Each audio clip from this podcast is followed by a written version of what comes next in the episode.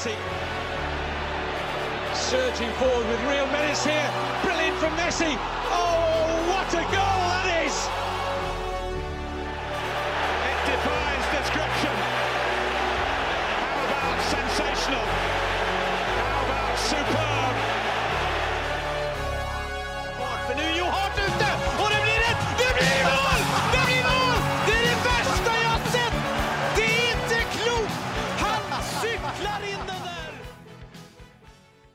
Hei, hei, og velkommen til episode 139 av den eh, meget romjulsvennlige podkasten 90 minutter. Nok en gang, studio her eh, på Slattum. Eh, Jeg sitter med mine kompanjonger eh, Søren Døpker og Mats Granvold. Hei, hei. Hei, hei, hei. Hei, hei. Eh, skal jeg begynne med Hva fikk dere til jul? Ikke noe, ikke, noe, ikke noe fyrverkeri, holdt jeg på å si. Ikke noe, Nei, det må vi vente med til litt- nyttårsaften. Litt tidlig. Nei, altså, jeg, altså, jula er jo ikke det, det er liksom for unga nå, altså, det er ikke noe Det er ikke noe å trakte etter sånn for min egen del. Jeg har allerede tatt ned julepynten. Ja, ok. Jeg har allerede gjorde det Ja. Det var tidlig. Ja, det var tidlig, men det var deilig. Ja. Eh, Så da, nå er jeg ferdig med det. Og så Jeg fikk egentlig mest klær, og så fikk jeg utstyr til bikkja til at eh, han kan eh, trekke meg på ski. Ja, ok. Det, det, ble, det var nice. Så så det var bedre enn i fjor, da, for da satt jo jeg på samme tid og slakta det du hadde fått. Husker, husker du det? ja, sant det! Sant det, ja, ja, ja, det husker jeg. Ah, nei, det var ikke noe det var, det var, Nei, jeg, ikke, jeg husker ikke dette som noe bedre enn alle andre år. Jeg gjør ikke det, men uh, Det er, det, er so, det er sokker og stillongs. Uh, Jeg fikk sokker, ja. Det er helt riktig. ja. Men stillongs fikk jeg ikke. Eh, Eh, du sitter jo der i en sånn splitter ny Wolfsburg eh, Ja, genser sånn genser. Sånn stoffjakke, eller hva man, hva man vil kalle det. Veldig behagelig, veldig fornøyd, veldig godt å ha på seg. Mm. Så ja, fint det. Ja, den fikk du av mor og far. Det stemmer, det. Ja, ja. Ja, så Fikk du noe annet ålreit, da? Ja, jeg fikk jo blant annet treningstøy. Jeg fikk um, Ja, jeg fikk bursdagsgaven min enda. Uh, fra mine foreldre så fikk jeg, eh, fikk jeg en uh, whiskysmaking, uh, som jeg gleder meg veldig til på sånn Wish-opplevelse. Eh, fikk avkopp på Vinmonopolet. Fikk, uh, fikk en kjøtthammer til å lage meg wienersnitzel, så det er kjempefint. Det er så bra. Det er, det er så tysk. Det er så tysk å få en kjøtthammer for å lage wienerschnitzel. ja, altså kjøtthammer. Ja, Det er- er fin, da. Og så fikk jeg, eh, fikk jeg også samtidig eh, en eh, flaske god whisky, men da som takk for, for hjelpen som jeg hadde gitt foreldrene mine tidligere i år. Så det var, det var julegave pluss pluss i år. det, det, det, det er mye alkohol der. Tysk. Ja, det er tysk. ja, tysk. Og du, da? Nei, altså det, jeg, jeg er egentlig meget godt fornøyd. Fikk en god del klær, fikk litt penger, fikk litt alkohol og ja. For, det- forbruksting, altså. Ja, rett og slett. Eh, ting jeg er eh, meget glad for å få. Eh, det var eh, Min mor og min far hadde vært ekstra raus denne gangen, så jeg eh, satt pris på det. Eh, så nei, jeg er generelt sett fornøyd, men det, dette er jo ikke det samme som når vi var ti år. Nei, nei, nei. Eh, Nei, men det er jo hyggelig å få nyttige og fine gaver. Det er jo Ja, kjempebra. og, og, så, og så merker du jo nå, ikke sant, når man har fått barn og sånt, at det, man lever jo litt igjennom gleden de har. Mm. Og, det, og den er jo ganske euforisk. Eh, Ja, på julaften Ja, er det jo ja, ja. Eh, så, det, så, det, så det er flott. Men eh, over til eh, litt sånn fotball og sånt. da. Det ble ikke så mange kamper i, i romjula som vi hadde håpa på. Nei, og så er det jo, er det jo litt kjedelig at eh, når det først avlyses eh, Det skjer jo samme nå i morgen òg, at det avlyses noen av de kampene som skulle gå alene for seg sjøl. Det skjer jo både, skjedde jo både i går på Boxing Day og i morgen at 13.30-kampen er avlyst, og den kjenner jeg det er, det er litt kjedelig. For det korte fotballdagen ganske betraktelig ned. Det er jeg helt enig med deg. Det Men ingen er- av kampene vi følger som det? Jo, Arsenal mot Wolverhampton i morgen ryker. Ja, Ja, men den ikke, ikke nå i helga. Jo, Liverpool Liverpool Leeds. Ja, Liverpool. Det er jo den, den som var 13, skulle være 13.30. Og så er det vel eh, tre kvarter til eh, Newcastle mot Manchester United setter i gang nå. Det blir, spennende å se. Det er jo en stund siden United også har spilt eh, fotball. Ja, Ragnhild har hatt enda litt bedre tid til å sette litt gegenpress på plass. Så får vi se da om han klarte det med stengte dører på Carrington. eh. Ja, det spørs, det. Men, men, men skal vi rett og slett Altså, denne podkasten her, den vier vi jo Boxing Day, og så vier vi inn litt eh, transfer-rykter og, og litt sånne ting. Og så, og så må vi jo ta årets lag i Vi blei enige om Europa, Sør-Amerika og Afrika. Ja. Så eh, vi har jo nok å drive med for det. Mm. Så det er Skal vi bare kjøre på? Ja. Da gjør vi det.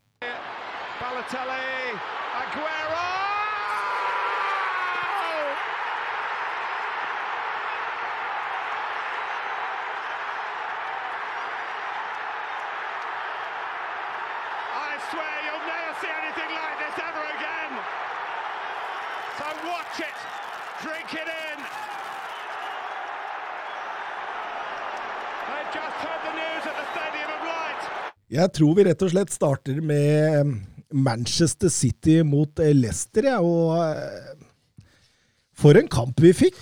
Det var et Leicester som var svært redusert. Ja, de var også ganske gavmilde fra start av. Um, overlot store rom og for City å angripe. Var ikke veldig gode når de skulle komme seg ut, så City klarte å gjenvinne ball ofte. Uh, og man trodde jo at den kampen var avgjort etter ja, drøyt kvarter, kanskje. ja, fordi det var eh, Sørens favoritt Kevin De Brøne som starta Ja, og det var jo, var jo nydelig skåring. Altså, det nedtaket som han har på Fernandinhos eh, høye ball i boksen, det, er, det er det høy klasse over. Uh, Vendinga òg. Mm? Ja, vendinga òg, måten Ja, han ja. bort. Ja, så det, det er jo sterkt. Altså, litt sjokkerende å se hvor dårlige Leste er til å forsvare seg på dødball. da. For det, det var jo kilde til, til fare og baklengsmål gang på gang. da. Ja, absolutt. De, men, men Leicester sleit jo ikke bare i dødball. Nei, de sleit jo egentlig i alle faser. i alle spillets faser der de første minuttene. Det, altså, det, det, City ruller jo over gang etter gang, som du er inne på, Mats. Gjenvinningsspillet. Det, de, de kommer jo seg knapt Altså, altså vi, vi snakker om noen ganger at man ikke kommer seg over på motstanderens halvdel, men de kommer jo seg knapt ut fra 30 meter på egen halvdel og ut der en periode. Det var jo fullstendig overkjøring. Mm. Ja, det er egentlig helt fram til, til Stirling sin straffeskåring, kan vi vel egentlig si at City fullstendig dominerer. Eh, Leicester er knapt nok inn på eh, Citys banehalvdel. Allikevel, når de først greier det lille presset som du ser utover i første omgang, så kommer Leicester til noen brukbare sjanser, spesielt eh, fra litt distanse. Eh, skudda sitter ikke helt, men da begynner man jo å se litt at eh, det var dette Leicester Eller begynner man å se en plan i hvert fall på hva Leicester ønsket å oppnå. Men det er klart, når du, når du ligger under 4-0 etter altså, Motivasjon og tro må jo forsvinne rett ut døra, vet du. Og begge straffene City får, er greie, eller? Ja, jeg syns altså, først da wrestler jo Tilemanns ned Laporte. Men, Uh, det, men det er, jeg skjønner at man blir litt frustrert å få det mot seg, for sånt skjer i feltet altfor ofte. Ja, men på og blir ikke tatt. Problemet da er at, ball, at, at ballen kom dit Laporte hadde gått. Jo, men, men, men eh, det er jo VAR som er inne og tar Ja. den. Det er jo ikke dommeren. Nei, nei, nei, men jeg, jeg syns jo det er riktig at den tas. Altså, han, han, uh, Jeg er også helt enig i at det er straffe, Ja. men det skjer litt for ofte sånne ja, det, ting. er jo, det kan jeg være enig i. Ja. Til at uh... Ja, men, men, men, men nok en gang, husker du vi snakka om det at Ederson skulle ha straffe imot seg mot uh, Ja. Hvem var det? Fordi Cancelo Newcastle. Newcastle ja, dro av gårde med ballen, så Mm. ballen er langt unna. Og, og, og mange av de duellene du snakker om der, da, Mats, de der som som skjer, og så, og, og, så, og så blir det på en måte ingenting, det er som Søren er inne på, tror jeg er fordi ballen er så langt unna den duellen at man bare overser det. Ja, men når ballen blir slått inn, så kan jo ikke Tilemanns vite om ballen havner der eller ikke. Nei, han men- river jo bare ned motstanderen fordi han har mulighet til det. Ja, men da har han uflaks at ballen hadde Ja, kommet ja, full flaks, ja. Feil sted til feil tid. Ja, men eh, kan jo, altså, det er jo det er uansett fryktelig klønete. Jo, jo, kjempestraffe. Jeg er jo helt enig. Og så ser du måten Leicester setter opp på defensiv dødball på. da. Med, altså, de har de antatt sterkeste hodespillere som, uh, som tar sonene på femmeteren.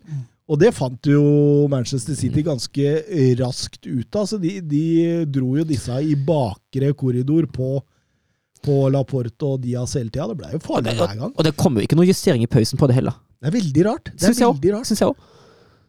Eh, Der må de gjøre noe, altså Leicester. Og, eh, Leicester er vel også det laget i Premier League nå som har sluppet inn på flest dødballer etter denne kampen her. Så det er, det er åpenbart at eh, skoen eh, trykker der, men går til eh, pause. Straffe regnes som dødball.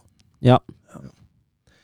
Går til pause med 4-0 imot, og så, og så skifter Brennan Rogers Den der De Brøne-innspillet til Bernardo Silva, så legger han til Stirling. ja, Ah, det, er, Fy det er vakkert. Ah, det, er- det er nesten synd at ikke det gikk inn, altså. Ja, det er, det er nesten så Stirling må byttes ut, faktisk. Når han brenner den der. Men, men, men, men eh, der var Schmeichel god, og, Ja.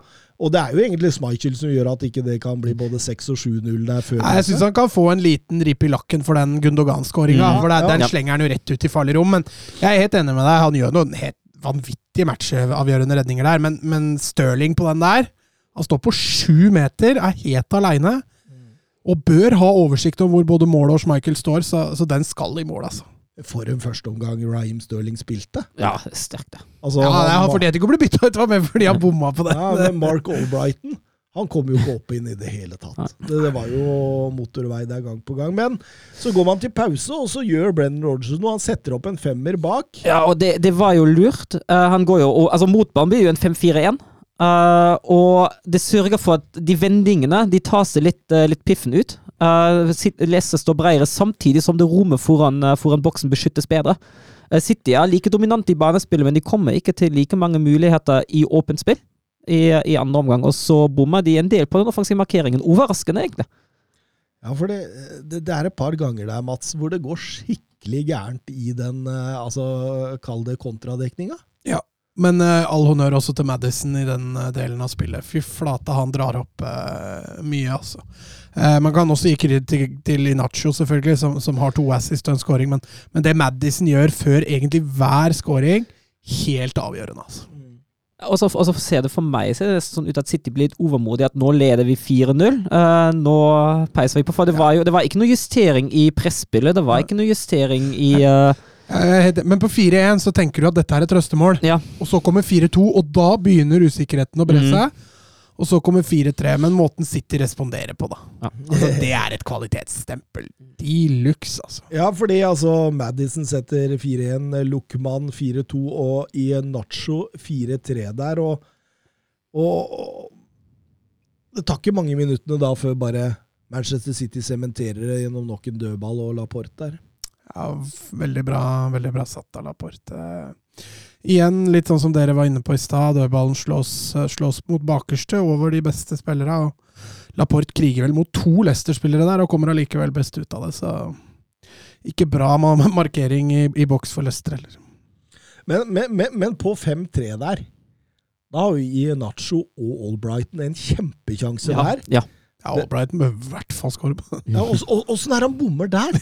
Altså, han bommer jo på ballen. Mm. Han er Ja, ja, det gjør han. han er utafor fra fire meter. mm. Umarkert. umarkert. Den er ganske heftig. Og, og, og, og 5-4 der hadde jo vært ekstremt morsomt. da. Jeg, jeg, jeg, jeg, jeg ropte nesten nei til meg sjøl, for jeg hadde lyst på det, liksom. fordi ah, du, du, du så liksom når de bomma på de to, da Der gikk lufta ut av ballongen, ja. Jeg gjorde det. og Stirling setter eh, 6-3. Nå Etter nok en dødball der Ja. hvor de lemper inn i den bakre korridoren, unngår Westergård og unngår uh, Amartey, og så, og så får Diaz uh, heade ned i beina på, Ja. eh, på Stirling. Ja, Men har de, de, var, blø- de var droppa litt de der hensene offensivt også nå. Ja. For nå, altså Det brødene før skåringa hans, den hånda, er vel, den, hånda den ballen er vel også oppi hånda hans. Mm. Og den skåringa der, hvor han treffer hånda til Diaz. Ja. Ja. Hadde det vært for et år siden, så hadde det, begge de to blitt annullert, tror jeg. Absolutt. Men det var vi også litt innpå i, i forrige episode. Fantastisk kamp. Ni mål, åtte forskjellige målskårere. Eh, Det, det er kun faktisk Tottenham og Arsenal i november 2004 som hadde flere forskjellige målskårere i en Premier League-kamp. Da var det ni forskjellige, da Arsenal vant 5-4 på gamle White Hart Lane. Ja. Så det, det, det skal et stykke tilbake i tid, og, og dette var den mest målrike Boxing Day-kampen i Premier League-historien. Um, OJ Haaland på Twitter. Uh, Pep sa at alle i City vet at de må ha inn en nummer ni før eller siden. Blir det Kane i januar, eller må man se andre veier? Nei, jeg, jeg står ved det jeg tippa i sommer. Det er jo det er bare avansert gjetning. Men uh, jeg tipper jo fortsatt at City øh, kommer til å sikte seg ganske kraftig inn på Haaland. Nå har jo Bayern gått ut og sagt, eller Oliver Kahn har gått ut og sagt at Lewandowski kommer til å skåre 30-40 mål uh, i, en, uh, i en del år framover, så vi trenger ikke Haaland. Det kan jo være taktikker for all del, men uh, med tanke på den prisen, med tanke på alderen til Haaland, med tanke på hvordan han utvikler seg også som spiller i Dortmund, uh, tenker jeg at det blir et seriøst framstøt på, på Men det kommer en klausul nå inn? Ja, gjør det ikke det? 75 millioner hvis jeg ikke tar feil, altså euro. Den blir casha ut. Ja, Ja, det blir det. Der er det flere klubber som faktisk har råd. Ja. Og det, det ryktes jo nå at City er én av fire klubber som Haaland kan, kan tenke seg til. Oi, oi, oi, oi, oi, oi, oi. Ja, for jeg tror ikke det blir Kane. Jeg tror ikke det blir Kane. Det er eh, rapporter fra Nord-London på at eh, samarbeidet Conte-Kane er som eh, Tom og Jerry? ja. Nei, litt mer kjærlighet i det. Er det det? Ja, okay. at de, de er veldig, veldig eh, happy eh, der oppe nå. Og jeg, jeg, jeg kan ikke Altså Alt kan kjøpes for penger, men uh, når de ikke var villige til å gå 150 i sommer Jeg tror det er liksom 150 pluss som må til fortsatt, og da det, Jeg kan ikke se det skjer. Jeg kan ikke det, altså. Da, da kan du like godt kjøpe en Vlaovic, en Lautara Martinez, en sånn type òg. Altså, halve- prisen? Det er, det, er, det er- det er jo liksom litt Aguero i, da. Ja, så går han litt under radaren nå. Han var jo veldig hypa for halvannet år siden. Ja. Som overgangsvindu nå, så var det veldig lite prat om han, altså. Ja, absolutt. Eh, kunne du sett uh, Lautara Martinez i, i City, Søren? Ja, jeg føler at altså det er jo en, eh, en spisstype som eh, Guardiola tror jeg kan, eh, kan like veldig godt. God i kombinasjonsspill Mm. og Ja, og så er han toveis. Du Du kan både slå Ja. han i, i bakrom, og du kan eh, jobbe med han i mellomrommet. Så. Kanskje det blir en link der, og så har de hørt det først her. Ja, du tenker på, å ja, du tenker på de som lager rykter? Ja. Oh, ja, sånn ja! Trodde du mente at City satt og Nei, hørte nei, på at det. det, nå, nå plukker noen oh, ja, opp sånn. der ute et sted og setter ut et rykte. Og så. Hvis han hadde vært fem år yngre, jeg kunne kunnet se for meg Benzema òg. Det er liksom den typen som hadde passa. Men jeg tror han er for gammel. Jeg tror ikke at det blir noe Benzema i City. Tror ikke Real Madrid slipper han heller før de Nei. har en erstatter klar, i hvert fall. Absolutt. Eh, Vi går over til eh, Norwich mot Arsenal, og, og, når Rob Holding kommer inn som stopper, så tenker jeg i hvert fall mitt, men eh, Ja, det fungerte likevel, likevel greit. Arsenal i sin vanlige skeive formasjon. White tar jo høyrebekken, men det er jo klart det er jo Tieni som er soleklart mer offensiv. Og så syns jeg at Teta har en eh, god vri mot, uh, mot det tette sentrumet til, eh, til Norwich ved å bruke Sjaka som en indreløper i den kampen. Uh, Sjaka skaper rom, Sjaka skaper pasningsaktiver, sammen med Ødegaard som, uh, som som vanlig de siste kampene der jobber godt i begge retninger. Kommer møtende og hjelper til for å skape alternativer, så blir det jo brukbart, det. Jeg tror, Oi. Jeg tror han har gjort et kjempegreie der med å flytte Ødegaard enda litt høyere, så han ikke hele tiden må jobbe med ryggen til midtbanen, men Ja. å få han inn i det mellomrommet. Altså Første gangen nå igjen mot Norwich. Han får jo rettvendt seg gang på gang mot forsvarsrekka, så der har de knekt en kode, altså. ja, absolutt. Absolutt. Det, det, Sjaka han har jo egentlig Han har jo egentlig motorvei i store deler av første omgang, for det, det backspillet Brandon Williams viser Eh, altså Det er noe av det verste jeg har sett i, i, i Premier League denne sesongen. Det er fryktelig, rett og slett. Han, han får lov å gjøre hva han vil. Eh, Altså, og- og også sånne små regler som du liksom lærer deg på, på juniorstadiet og tidligere enn det. At ok, venstrebein, høyrebekk skal presses utover, ikke innover, ikke sant? De tinga der, da. Altså, det er jo elementært, Mats. Mm. Men, men likevel så eh, Brandon Williams inviterer han inn i banen hele tida. Eh, Jeg, jeg, jeg skjønner ikke hvordan det går an. å Altså, ok, gjør det én gang, gjør det kanskje to, og så få en smekk. Men, men det kan jo også ha litt med instruks, instruksjonen han har fra sidelinja. Da. Altså Hvis de ønsker å, å snøre igjen i midten, så er det naturlig å lede spillere inn istedenfor ut, selv om Sjaka er venstrebeint. Men, men, men Jeg sier ikke at det erfaring vi har sett ved Arsenal, så er det fint å bare la dem slå innlegga. Ja, og det, det syns jeg jo de har. De har begynt å finne altså, uh, Petter Myhre nevner jo to ting i pausestudien på TV2 som Arsenal har blitt uh, mye bedre på. Frispilling og gegenpressing, og jeg er jo enig i det, men jeg syns også de har blitt betraktelig mye bedre til å finne andre løsninger enn å slå et blindt innlegg i boksen. Uh, nå vendes det mye klokere. Nå finnes det folk, og det angripes rom andre steder enn bare rent i boksen. Og de skårer jo en god del mål på, på vendinger i den kampen her. Og så er det klart, da. Norwich er ikke på jobb. De er, Nei. de, de er ikke på jobb i det hele tatt. Dette blir veldig lett for Arsenal. De får de romma. Altså, Partey, Ødegaard De kan jo eh, motta ball feilvendt, vende opp, og det er fortsatt to-tre eh, meter til nærmeste Norwich-spiller. Eh, Begge de to Saka-måla er gode bilder, altså. Ja, absolutt. Så det er, det, det, det er jo rett og slett forferdelig, og det, det, det blir så enkelt for Arsenal at jeg veit ikke hvor mye man egentlig skal hylle Arsenal, og hvor mye man skal egentlig kritisere. Altså, Arsenal gjør jo det de må gjøre. Helt greit, det, men det der, der det er sjelden man får det så enkelt i Premier League. Altså. Jeg er jo enig i det, men samtidig altså det er jo det er jo ikke et engangsblaff nå. Det fort, Arsenal fortsetter jo den gode formen og de tegnene vi har sett i tidligere kamper nå. Så jeg føler jo at det er Jo, jo men altså, også, altså se, se, de, de, de, de møter jo ikke Altså, de det er ikke knapt nok lag over midten av tabellen nå i de siste to Jo, jo, jo, for all. Men, men hvis, vi, altså, hvis du ser på hvordan Arsenal spilte i august, da har de slitt i de kampene nå. Så det er jo klare tegn til bedring. Ja, ja jo, for så vidt. Men vi får se. Nå, nå blir det jo Arsenal i august hadde vunnet Ja. denne. Ja, det Så tror jeg. dårlig var Norwich. Men eh, nå får vi jo se. Nå, møter de vel, nå er jo den sannsynligvis. sannsynligvis. Nå er jo den mot uh, Wolves avlyst, og så kommer vel City og Spurs eh, av de neste to kampene i Premier League for Arsenal, og så er det vel en FA Cup-kamp der uh, i, i mellomtida. Så det blir jo litt spennende å se hvordan, hvordan dette laget der responderer på, på to topplag. Arsenal City første nyttårsdag. Ja, det blir gøy. Altså, det eh, Full kontroll av Arsenal vinner 5-0. eh, Så dere forresten la Lacassette når han blir felt i forkant av straffesparket? Det er rutinert av Lacassette, altså. Ja, men vel, ja, jeg er helt enig. Ja, men det er skrytrutinert type, ikke sant? Ja, ja, ja. Absolutt. Jeg Altså, hyller det. Så smart. Kabak, så idiot. ja. At det går an. En Kabak som faktisk har vært brukbar i Norwich, og har Mm. vært liksom den Ja, men der, der er han klønete. Ja. Han inviterer jo Lacassette til å være rutinert der, men eh, helt enig med deg. Hyll, hyll til Lacassette for den manøveren med å sette ut beina der. Og Emil Smith Rose som kommer inn og skårer i sin tredje kamp på rad som innbytter. Supersub. Ja, det har ikke sett siden Mozart, og da veit dere hvem jeg snakker om? Ja, han komponisten. Du veit hvem Mozart er? Det var i Tyskland han fikk navnet sitt.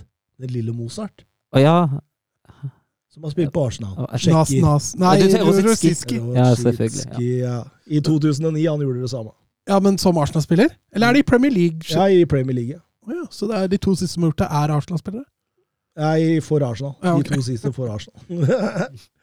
eh, kun mot Middlesbrough i 1999 og mot Everton i 2009 har Arsenal hatt like store seire borte i Premier League-historien. Så dette er jo Ja, ja, men jeg har sagt det hele tida. Hva har du sagt, Mats? At Arsenal kommer. Eh, Begge disse er endte 1-6, da, da var det jo da var det jo Ari og, og Viltår, og, og det, var, det var ikke Ja, det, var, det er faktisk et litt annet lag. Lacassette og Saka og De har litt å gå, faktisk. Dit. men, men vi må hylle det unge Arsenal. Hæ? Ja. Fordi altså, det er veldig ungt. Og du ser jo for eksempel en, en, en øh, Ben White, som har vært strålende som midtstopper, går jo ut og egentlig er helt sjef på høyrebekken nå. Mm. Og Men det er fordi han får Han blir jo litt holdt igjen offensivt. så du- Han blir ikke avslørt, på en måte. Nei. Og så lenge han får de defensive oppgavene, løser han jo forbilledlig. og, og, og, Martinelli hvor, i, i, kontra Aubameyang, da, Ja. hvor toveis han er. ikke Mm. sant? Og får, får mye mer støtte bakover der. eh, Mye mer eh, gjenvinningsspillet i, i, i det å dekke rom defensivt. Og, og, og jeg, jeg syns liksom selve laget, og som du var inne på med Martin Ødegaard, at det, det, det er satt mye bedre enn jeg har sett det på lenge. Mm. Og så er det ikke plass til Smith-Roe. Nei, og det, det- men, men så lenge han kommer inn og skårer mål i hver kamp, så må jo det være greit. Det tenker jeg òg, men i lengden så vil nok han spille mer enn det han får. ja, det, blir jo, det kommer jo til å bli skada og karantene etter hvert. kunne, vi, kunne han dytta han ned i den ene av de to dype? Nei. Nei. Da tar du bort noe av brodden i spillet hans. Ja, han, ja. Ja. Mister Arsenal nå, liksom? Ja, for jeg er jo ikke verdens største fan av Granit Xhaka. Nei, det vet jeg. Det var litt dit jeg ville. da. Men, men, men balansen han tilfører, Jeg tror Altså, det, det- kunne gått mot sånne lag som Norwich og sånt. Ja, altså den, kamp, den kampen kampen nå kunne, kunne Smith Rowe spilt, fint spilt inn rollen, særlig fordi Sjaka var litt mer offensiv òg. Ja, absolutt. absolutt. Eh, Martin Ødegaard, eh, han er den som har flest målpoeng i Premier League i desember. Mm. Tenk det. Ja, det er Tre sterkt, ja. mål og tre assist. Han har kommet. altså vi har jo ikke alltid vært snill med Martin 15, vi her inne, men uh, Ja, men vi har skrytt i han siste ja, måneden. jo, jo, jo, jo.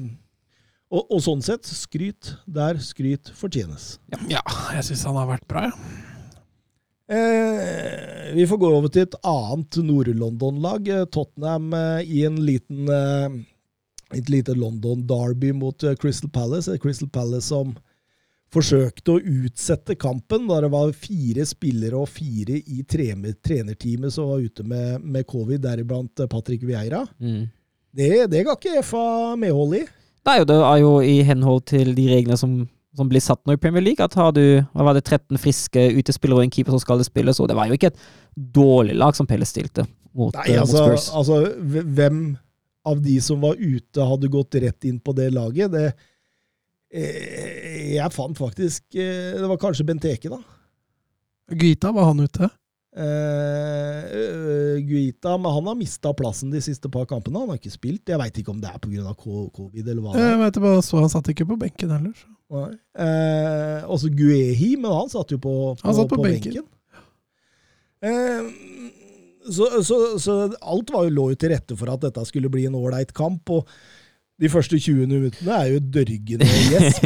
ja, men det tror jeg er helt greit for Conte. Altså, jeg, jeg synes jo I løpet av de første 20 minuttene jeg synes jo Pelles uh, starta best, litt overraskende. Får mest av banespillet, men Spurs jobb Jeg tror Tottenham Ja, overlot ja, en tror- del også. Altså, jeg tror Tottenham tenkte Tottenham, at eh, Tottenham kommer seg jo mer og mer inn. Etter Ja, og det tror jeg også var etter gameplan. Jeg tror eh, Tottenham gikk litt forsiktig ut og skulle kontrollere kampen før man skulle gire om lite grann, og det, det fungerte svært godt. Jeg tror det var en kampplan Conte nå sitter hjemme og, Ja. og rett og slett har hengt opp på ramma. Altså. Ja, det var Jeg, jeg tror eh, når- den Det kom etter rundt sånn der 22, 23, 24 minutter. Det Mm. begynner vel med den Mora-sjansen Mm. hvor han header utafor. Eh, nesten like stor prestasjon som Albrighton, egentlig. Men eh, Ja, den er helt på høyde, faktisk. Eh, så, så smeller det jo to ganger der rett etter hverandre, og det er jo Mr. Harry Kane som setter inn eh, 1-0, Søren. Ja, og da er det jo klass det, er, det er sånn klassisk Spurs under Conte, føler jeg. Godt i bakrom, fin, eh, fin overgang. Og Pelles prøvde jo å presse høyt. Pelles hadde jo et enormt strekk til tider. Uh, og det, det strekket det utnytter selvfølgelig flott spill av uh, Spurs i forkant, en kombinasjonsspill hvordan Mora settes opp. Um, Kan du skylder seg sjøl litt her for at man ikke begynner å falle av før. mm, For idet Mora er gjennom der, sånn, så har de allerede sluppet inn, for da er Kane også foran.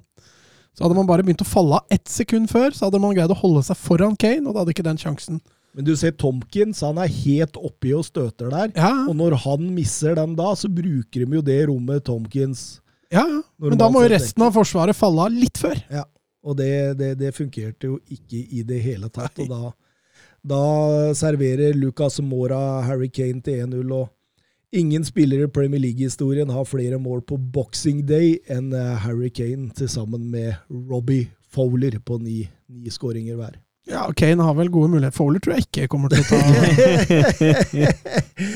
eh, tre minutter etterpå smeller i eh, maska igjen, denne gangen Lucas Mora, som knuser Andersen i en hodeduell der. Ja, der vil eh, Lucas Mora veldig mye mer enn eh, alle andre på banen, så mm, Veldig fin. Og litt sånn utypisk Mora-skåring.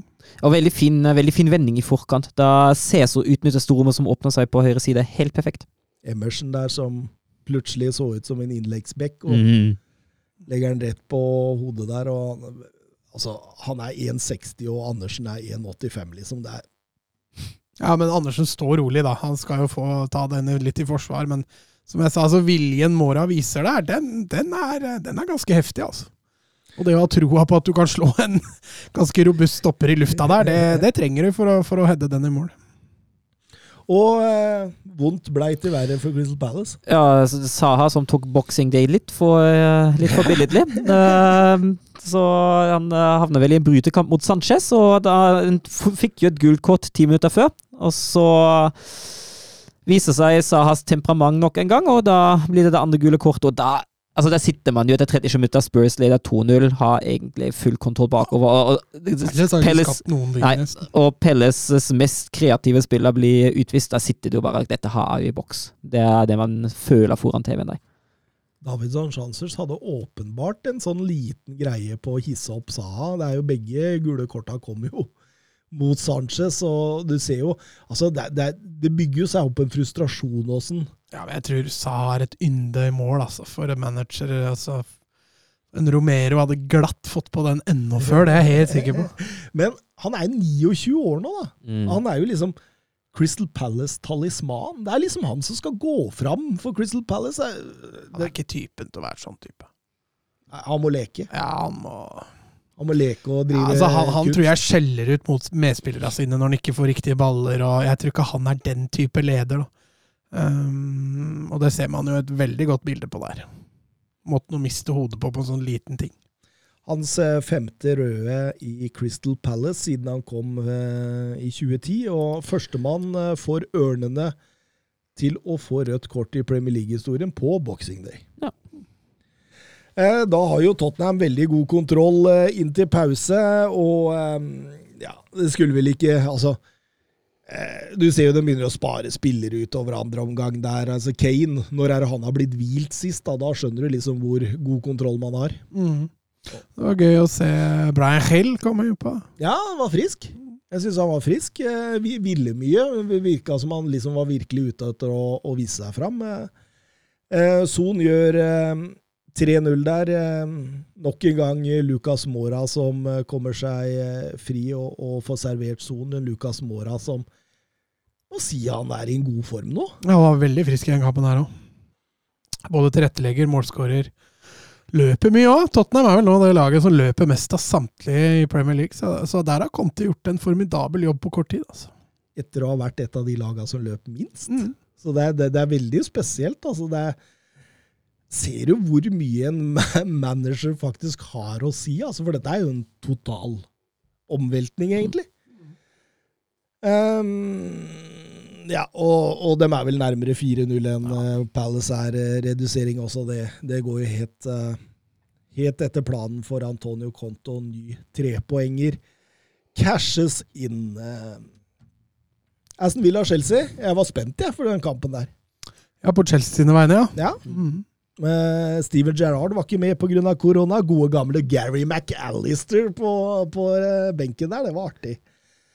Eh, Villa har jo fått en slags Gerrard-effekt, og Chelsea har jo slitt litt mer enn vi regna med den siste tida. Så, så Ja, og jeg syns de fortsetter å slite litt i første omgang. Eh, Det er ikke det vanlige angrepsspillet som jeg er vant til. Samtidig går jo Altså, Villa har jo, bruker litt sånn samme klamplan som mot eh, som mot Liverpool når de får ballen. Kjapt i bakrom, og Watkins truer jo rommet mot Chaloba hele første omgang. Uh, Torkel reagerer jo eh, godt da i pausen, men eh, det var jo en eh, konstant trussel. Det var veldig mye nesten for Villa via den veien der. Det var litt synd det var Watkins. Han skulle vært foran mål, da. Mm. Han er ikke helt eh, Når han først får rettvendt seg og fått satt fart på der, så ser du han blir litt sånn rådvill, og valgene han tar, er liksom akkurat ikke gode nok. da. Nei, absolutt. Og jeg, jeg tenker jo også det at eh, veldig ofte så har han bare Ings med seg Ja i den sluttfasen. Så det, da blir de tre mot to, og det spiser opp ganske mye. Men uh, de tok jo ledelsen likevel, da, med et spektakulært mål, kan vi Ja. kalle det det. fryktelig uheldige for Reece James. da. Uh, innlegg fra, innlegg fra hva- Target, var det vel, uh, som legger inn, og James får hodet på. Så en fryktelig rar bue som senker seg da i, i lengste hjørne. Ja, det er jo vakkert. Det er, Det er altså, Lewandowski- scoring, ja, ja. Lewandowski hadde ikke klart det. nei, absolutt ikke. Jeg tror James kan prøve på det 100 ganger med vilje, og den går kanskje inn 1-2. Absolutt, absolutt. Og da tar Villa ledelsen, og da tenkte jeg nå er Chelsea i kjempeproblemer, men så er det en Matty Cash da, som Ja, det, det, Hva kan du si om det der? Nei, det er fryktelig, fryktelig klønete, Uh, i beste fall. Um, han ser jo at Callum Hudson Odoi kommer på sida på han. Allikevel velger han å gå ned der, for han tror han er først. Og så kommer uh, Odoi på foran, og så Han bare klipper han jo ned i en situasjon hvor han egentlig burde ha kontroll. Så nei, jeg tror nok Steven Gerrard satt hjemme da i kroken og tenkte Uff a meg. Polske landslagsspilleren Matty Cash. Mm. det, det, det er ganske morsomt. det, det, det er ganske gøy, faktisk. Det er det. Eh, Jorginho hopper inn eh, 1-1, og da eh, Det er så, jeg blir alltid forbausa av keepera. Ja. Altså, Hvor mange hoppestraffer har ikke han Ja. tatt nå? Ja, Du må jo bare stå så lenge som mulig, da! De drar av gårde vet du, med en gang han eh, kommer på der. eh. Men, men likevel, altså, jeg syns Villa er best i første omgang. De har bedre energi. Det er fortsatt noe urytmisk i dette Chelsea-laget. De, de sliter med å få wingbackene opp i de riktige posisjonene. Altså, de klarer å åpne rommene, fordi de du ser jo de kjører mange inn sentralt for å gjøre Villa smale for å angripe utvendig, men det er et eller annet med timing og løp der som liksom på en måte satt så utrolig bra tidligere i sesongen med, med James og med Shilwell. Nå er Shilwell ute, men som, som ikke er der ennå. Det Ja. Alonso viser på venstre wingback nå, det, det er svake greier. Ja, det er jeg enig. Altså, altså hjelper de altså, altså slår man veldig mange høye innlegg, og så av den tilstedeværelsen i boks. Altså, Villa har jo full kontroll på absolutt alt som kommer flyvende høyt i hele første omgang. Ja. I egen boks, men uh, Torhild finner jo det riktige trekket. Det riktige trekket det var eh, Romelu Lukaku, og han sto klar til annen omgang. ja altså, og det, det, det er jo Han løser jo med ett bytte løser han jo både et problem offensivt og defensivt. Uh, for han tar jo Chaloba, uh, og så flytter han James uh, som høyre midtstopper og Pulisic som høyre wingback, og da matcher han en spiller eh, på farta til, til Watkins, så det bakrommet blir mye mindre skummelt nå i andre omgang. Og så så du hele tida det at eh, Pulisic Istedenfor at du hadde en James som skulle rundt og slå innlegg, så hadde du en Pulisic som dro innover, og så kom Mount på utsida der. De fant aldri helt ut av det, Villa, og de, de begynte å slite voldsomt. da. Rørte virkelig opp i gryta der med de, de trekka der, altså. Mm. Og Tyron Minks mot, uh, mot Lokako. Jeg tror Tyron Minks fortsatt har mareritt om den kampen. Der. Ja, og det overrasker Ja. meg, for det, det ser ut Altså, i, fortsatt den dag i dag så veit jeg ikke hvem som hadde vunnet i brytekampen av Tyron Mings og Lukaku, men det ser ut som det er en sånn overdreven respekt. Ja, På goalen kommer det jo veldig tydelig fram. Ja. Jeg, jeg Akkurat som man går inn i duellen og har tapt på forhånd. Ja, Det er helt merkelig. og Når Lukaku sitter 1-2 da, så, så tenker du at her har Tussel gjort en genistrek eh, av dimensjoner, søren. Ja, og det, det viser seg jo altså Lukaku blir jo den sentrale angrepsspilleren for Chelsea uh, i andre omgang. Og han er involvert i veldig mye, både som oppspillsspiller og som, uh, som targetspiss uh, i boksen der. Og som sagt, Tyron Mings altså han, han kommer seg jo ikke inn i noen som helst dueller mot ham i det hele tatt. Han taper jo alt, nesten. Og Lukaku han elsker å spille mot Villa. Altså, ingen lag, uansett liga, ikke Serie A, ikke landslag, ikke Premier League, ingenting. Eh, du finner ikke et lag Lukaku skårer mer mot enn mot Aston Villa. Så eh, Altså, altså synes jo den 3-1-skåringa som han skaper på straffe det, det, det, Da tenkte jeg dette har, dette har Inter Lukaku igjen, Ja, altså. det tenkte jeg òg. De der, det der løpa der Mm. hadde han ofte i Serie A eh, forrige sesong. Det har jo nesten vært blottlagt i, i Premier League. Nå, nå satt han bare fart der, og Ja, Target, Aka Birger Meling, han uh, sleit voldsomt med å henge på der. Ja, Birger Meling hadde rydda der. Han hadde det, Ja, ja. han hadde det. Ja, Konsa rydder jo, bare ikke helt eh, ryddig. Og da får jo Jorginho hoppa igjen, da. Ja, denne, denne gang venter Martinez, da. Ja, nå var det bedre. Ja, men det hjalp ikke. Nei, men jeg tror det er litt med det. Jo lengre du greier å vente, jo sjansen blir jo selvfølgelig større. ikke sant? For da er det jo bare å gamble på et hjørne idet han lander. For da ser han jo på ballen, da ser han jo ikke Mm. lenger hvor keeperen er. ikke sant? Det var Jorginhos niende mål fra 11-meteren i 2021. Man må tilbake til Mathieu Letizier i 94 og Steven Gerrard i 2014 for å finne maken til tall fra straffemerket i et kalenderår, Mats. Ja, Så Bruno er ikke med? Nei, ja, ikke i kalenderår, men han må jo være ganske nær. Han må være ganske nær. Og siden Thomas Tuchel tok over i januar, er det ingen som får flere straffespark i Premier League enn Chelsea. Så det er sånn ny manager-effekt, altså. Nå har United eh, blitt eh, satt ned av den tronen. Ja. Nå er det Tuchel som, eh, som leder den. Og Villa har tapt sju kamper denne sesongen, eller nei, ikke denne sesongen, sorry, i dette kalenderåret, eh, som de har leda, og det er Premier League-rekord til sammen med Everton fra 99 og Wiggen fra 2006. ja. Så de er åpenbart ikke så Altså, Skårer Villa på deg, Mats, så er det ikke noe å stresse for. Nei, sannsynligheten for at du snur deg, er til stede. Ja. Det var de eh, Boxing Day-kampene vi skulle egentlig eh, prate om. Det var et par andre òg, men det det gidder vi ikke å ta så veldig nærme. Altså Annet enn at uh, Westham tapte igjen. eh, borte, nei, hjemme mot eh, Southampton. Ja, det var vel en uh, 2-3. Var uh, Gikk vel en del fram og tilbake uten at jeg har sett hele den der. Uh, Moye vil jeg si som uh, førstemålsskårer for Southampton der. Begynner vi å se et lite fall nå i Ja. Westham? Ja, jeg tror det er litt for tidlig å si ennå, men det er klart, nå, nå uteblir jo poenget. Altså, Westham hadde vel ikke trua på at skulle havne der oppe, hadde du det? Nei, altså er jo, nå er jo Westham har det neste problemet at nå har jo både Tottenham uh, og United forsterka seg voldsomt på managerplassen nå. Så, Jo da. Jo, jo. Nei, Tottenham er vel forbi Westham? ja. Tottenham er forbi allerede. Og, og United er ikke langt unna med to kamper mindre spilt. Nå skjønner du, nå har vi fått et eh, spørsmål fra Alf Edvardsen. Han kjenner du. Ja, han vet jeg med. Ja. Eh, hvem er de fem beste og de tre dårligste dommerne i Premier League? Og jeg eh, det, Dette kommer jo etter eh, Liverpool-Tottenham, tenker jeg, og den Tierney-kampen. men, men Tierney er ikke blant de tre svakeste, om vi skal begynne der. Det er han ikke. Nei, jeg tror nok du stiller litt sterkere enn meg. Jeg legger meg aldri Jeg slenger meg sjelden opp i dommera, i hvert fall ikke hvis laget mitt eh, spiller. Og jeg har jo som sagt ingen lag i England, men det er klart jeg har jo noen da som jeg har merka meg. Jeg veit jo at eh, Mike Dean, for eksempel, er jo Altså, han er jo humor. Det er jo gøy. Ja. Han har jo så mye mimikk og fakter at eh, det er underholdning å følge med på han. Litt som han uh, Laos, heter han vel i Ja, i- Laos, ja, han, er slitsom. han kan være veldig Ja, slitsom. ja for han, han har også veldig mye som dommer. Ja, han er jo liksom i gåseøynene en av de bedre Mm. dommerne i Spania, men, Men han kan være litt arrogant. Ja, og så kan han finne på å flekke tre røde i løpet av en kamp, Ja. liksom, bare for å vise at eh, Men, men, men, men Mike Dean er mer en sånn som jubler for seg sjøl når han har dømt en fordel som er Ja. bra. Og, og, når, og, når lagene kløner med et eller annet, så ser du han står der og rynker på nesa og skjønner liksom ikke hva de driver med. Ja, ja.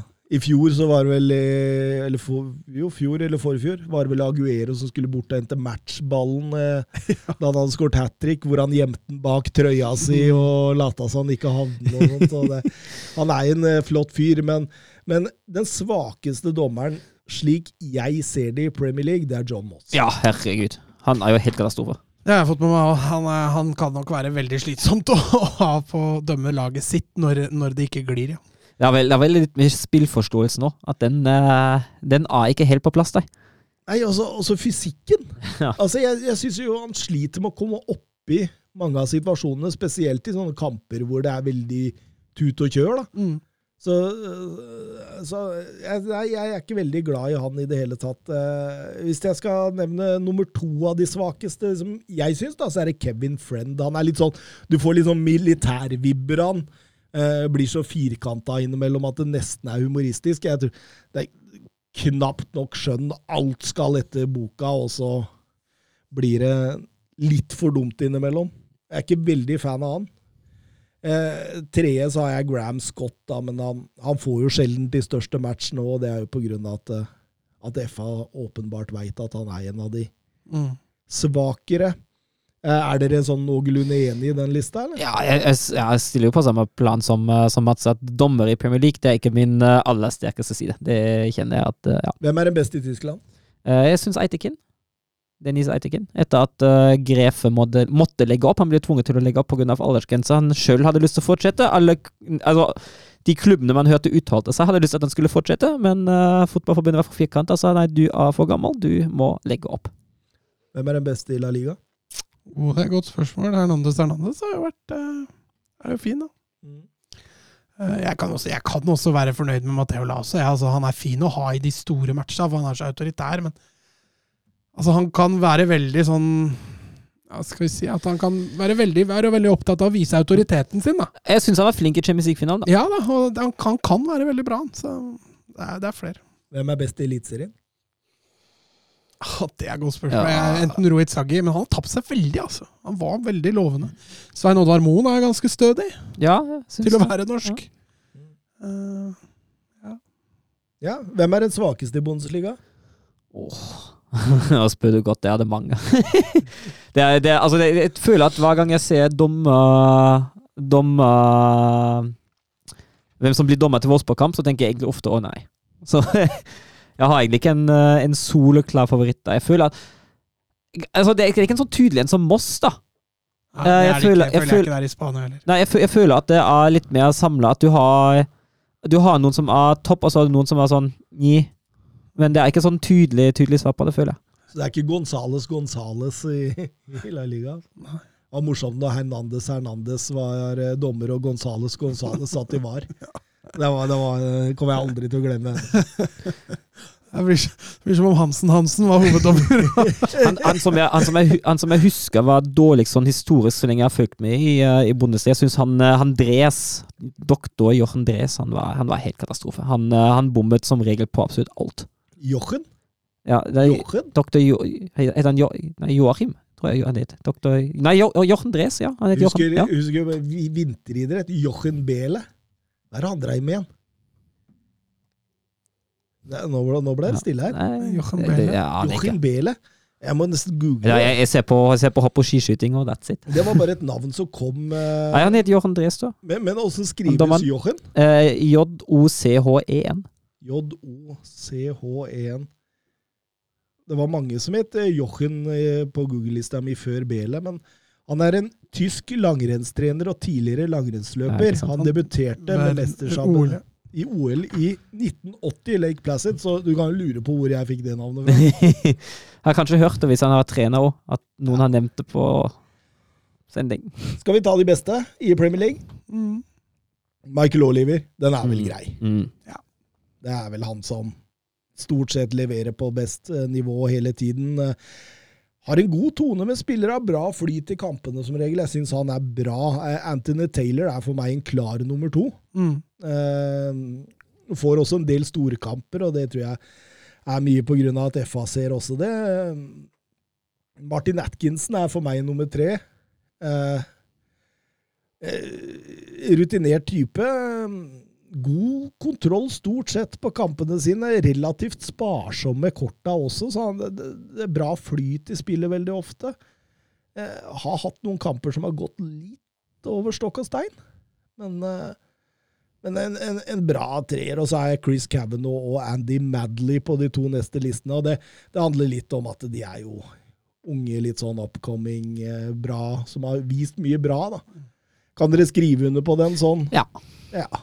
Syns Ja. jeg det. Skulle hatt noen sånn Ukas Talent-dommere. Eh, Andre nevn, så Du kan nevne Michael Paasen. Jeg syns ikke han er sånn voldsomt bra. Paul Tierney han ligger sånn midtsjikta, han også. Det, det, det er mye forskjellig. Eh, Oskar Carveio Holm, topp fire i Premier League slik styrkeforholdet er nå, vil han ha oss. Ja. Så hvis Tottenham vinner de tre hengekampene sine, da, så er de faktisk bare ni poeng bak City. Altså. Mm. Bare er mye, da. ja bare det er mye. men, det er men det er ganske sjukt, Mm, med tanke på alle problemene man Mm. hadde under Nuno Spirito Santo. Man er jo fortsatt bak både Chelsea og Liverpool også, men da er man jo helt i ryggen på, på Chelsea og Liverpool. Jeg syns jo én og to er klar. Det City og Liverpool. Det er, det er ganske tydelig. Ja. Um, Chelsea er jo klar. Ja, egentlig. På, altså, ja, altså, jeg tenker hvis, hvis vi ser bare på formen som den er per dags dato, er ikke Chelsea like klar. Hvis vi ser på situasjon, helhetssituasjonen, tenker jeg også at Chelsea er klar. Ja. Så har jeg nesten lyst altså, med tanke på altså, Arsenal har jo vært gode, men du har vært inne på at det har jo ikke vært de store motstanderne. De nå Så, så, så det virker litt skjørere. Ja, og, altså, det, er, det er veldig spent på hvordan det går nå mot, uh, mot City og Tottenham. For da får man en del svar på hvor, hvor Arsenal virkelig ligger. Uh, ellers er jo Tottenham faktisk en god kandidat uh, til, til lag fire. Da. Samme, altså, og det samme gjelder jo gjelder United. Jeg er litt spent på hvordan de presenterer seg nå. når Ragnhild får litt mer tid etter hvert òg. Men Conte har jo virkelig klart å utvikle det Tottenham-laget ganske godt.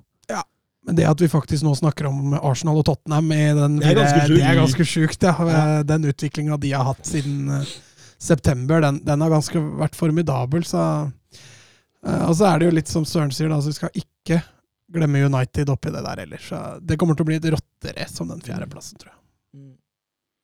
Åssen uh, terningkast gir du Conte nå? Du er opptatt av det? Jeg syns fire var litt for lavt. Ja, ja, nei. jeg, jeg vil at du skal si nei, Ja, han 4,1, da. Han har gått opp litt nå. Så om ti episoder så kanskje Ja, jeg er på fem ja. hvis det fortsetter. Det er for tidlig å begynne å gi ut femmere og seksere, altså. Er det det, altså? Ja, Nei, jeg, jeg er- tenker altså Hvis vi, hvis vi bedt om å, om å bedømme én periode Ja, Og han har jo gjort det, det det var jo det vi blei. og vi, Ja, har men det gjorde ikke jeg. Jeg bedømmer total. Ja, for det var det spørsmålet handla om, om at eh, nå hadde han sittet så og så lenge, og han hadde sittet så og så lenge. Hva, Åssen terningkast gir dere med i forhold til den perioden?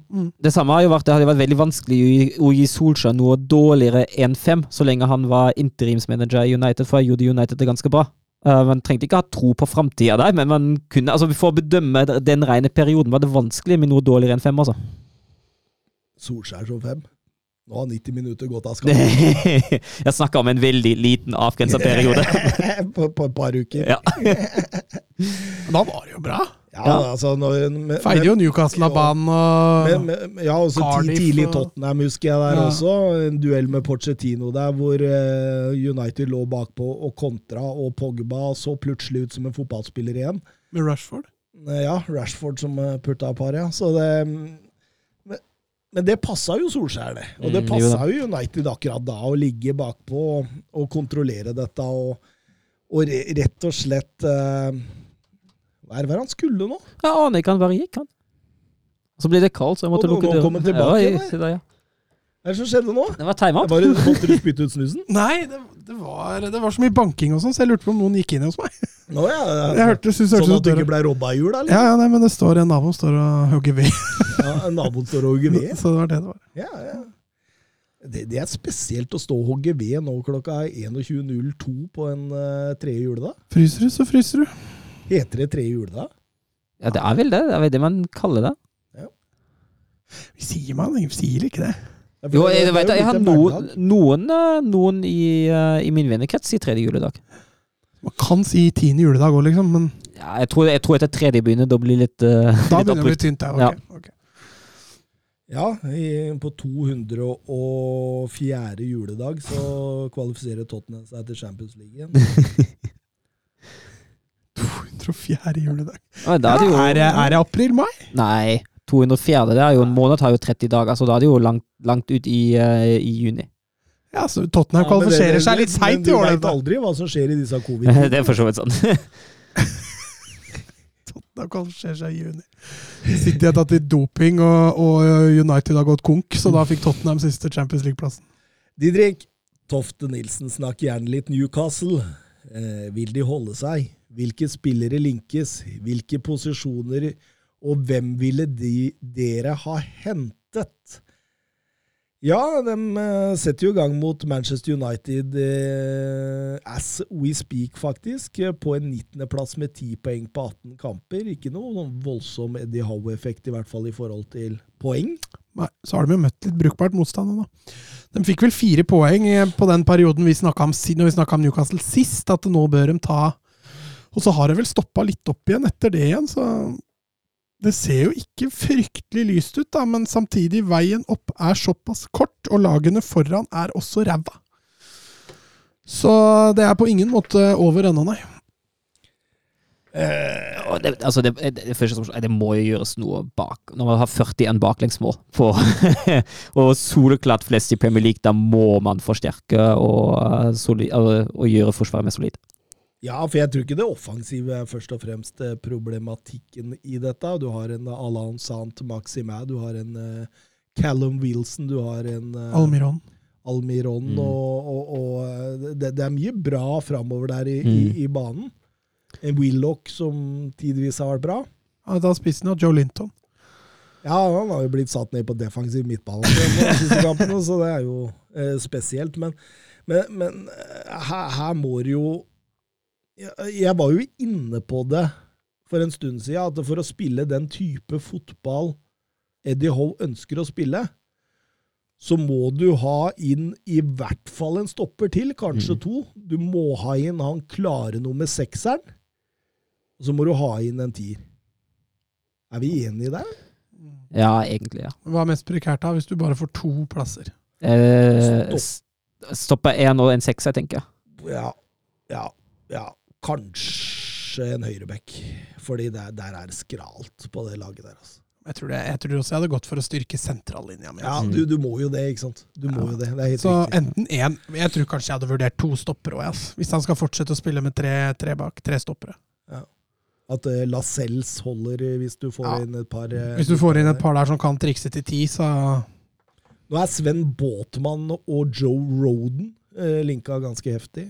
Eh, kan de være spillere for Newcastle? Båtmann hadde jo en fantastisk sesong i fjor. Har ikke sett så mye av han i år, men eh, hvis han er på det nivået han var i fjor, så er jo dette et eh, prospekt de kan bygge ganske hardt på videre. Eh, Roden har jo fortsatt ikke fått bevist seg helt da, i Premier League ennå, så det er fortsatt litt ubeskrevet blad, men er jo Bra antageligvis bedre enn det de allerede har der. da.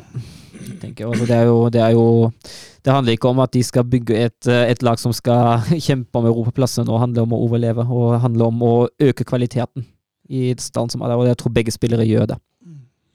Det mest linka nummer sekser jeg har sett i den siste tida, det er jo uh, Bobakar Kamara fra Marseille. Mm. Eh, kan passe som hånd i hanske, tenker jeg. Ja. Eh, drivjern på midten der som eh, Kan spille stopper òg. Ja, ja, absolutt. Og, og, og løper voldsomt mange mil. Eh, takler så det lukter svidd, og, og, kan faktisk drive litt fremover med ballen òg. Mm. Så, så en bra type, det der. der eh, ellers så ser jeg dem bli linka til sånn Odion Igalo, Martial, Aaron Ramsey, Grilic Ja, altså, jeg, er tenker, sånn. altså, jeg, jeg tenker at det er jo bedre Altså, det tipper egentlig at det er bedre å istedenfor å hente skrot fra andre Premier League-klubber Og da mener jeg ikke Roden, men type Martial, da. eh, Jeg tenker det er mye bedre å hente spillere som Newcastle og Premier League av, eller Ikke nødvendigvis Newcastle, men Premier League av et steg oppover i karrieren. Da får du litt mer sult inn, eh, inn i det hele òg.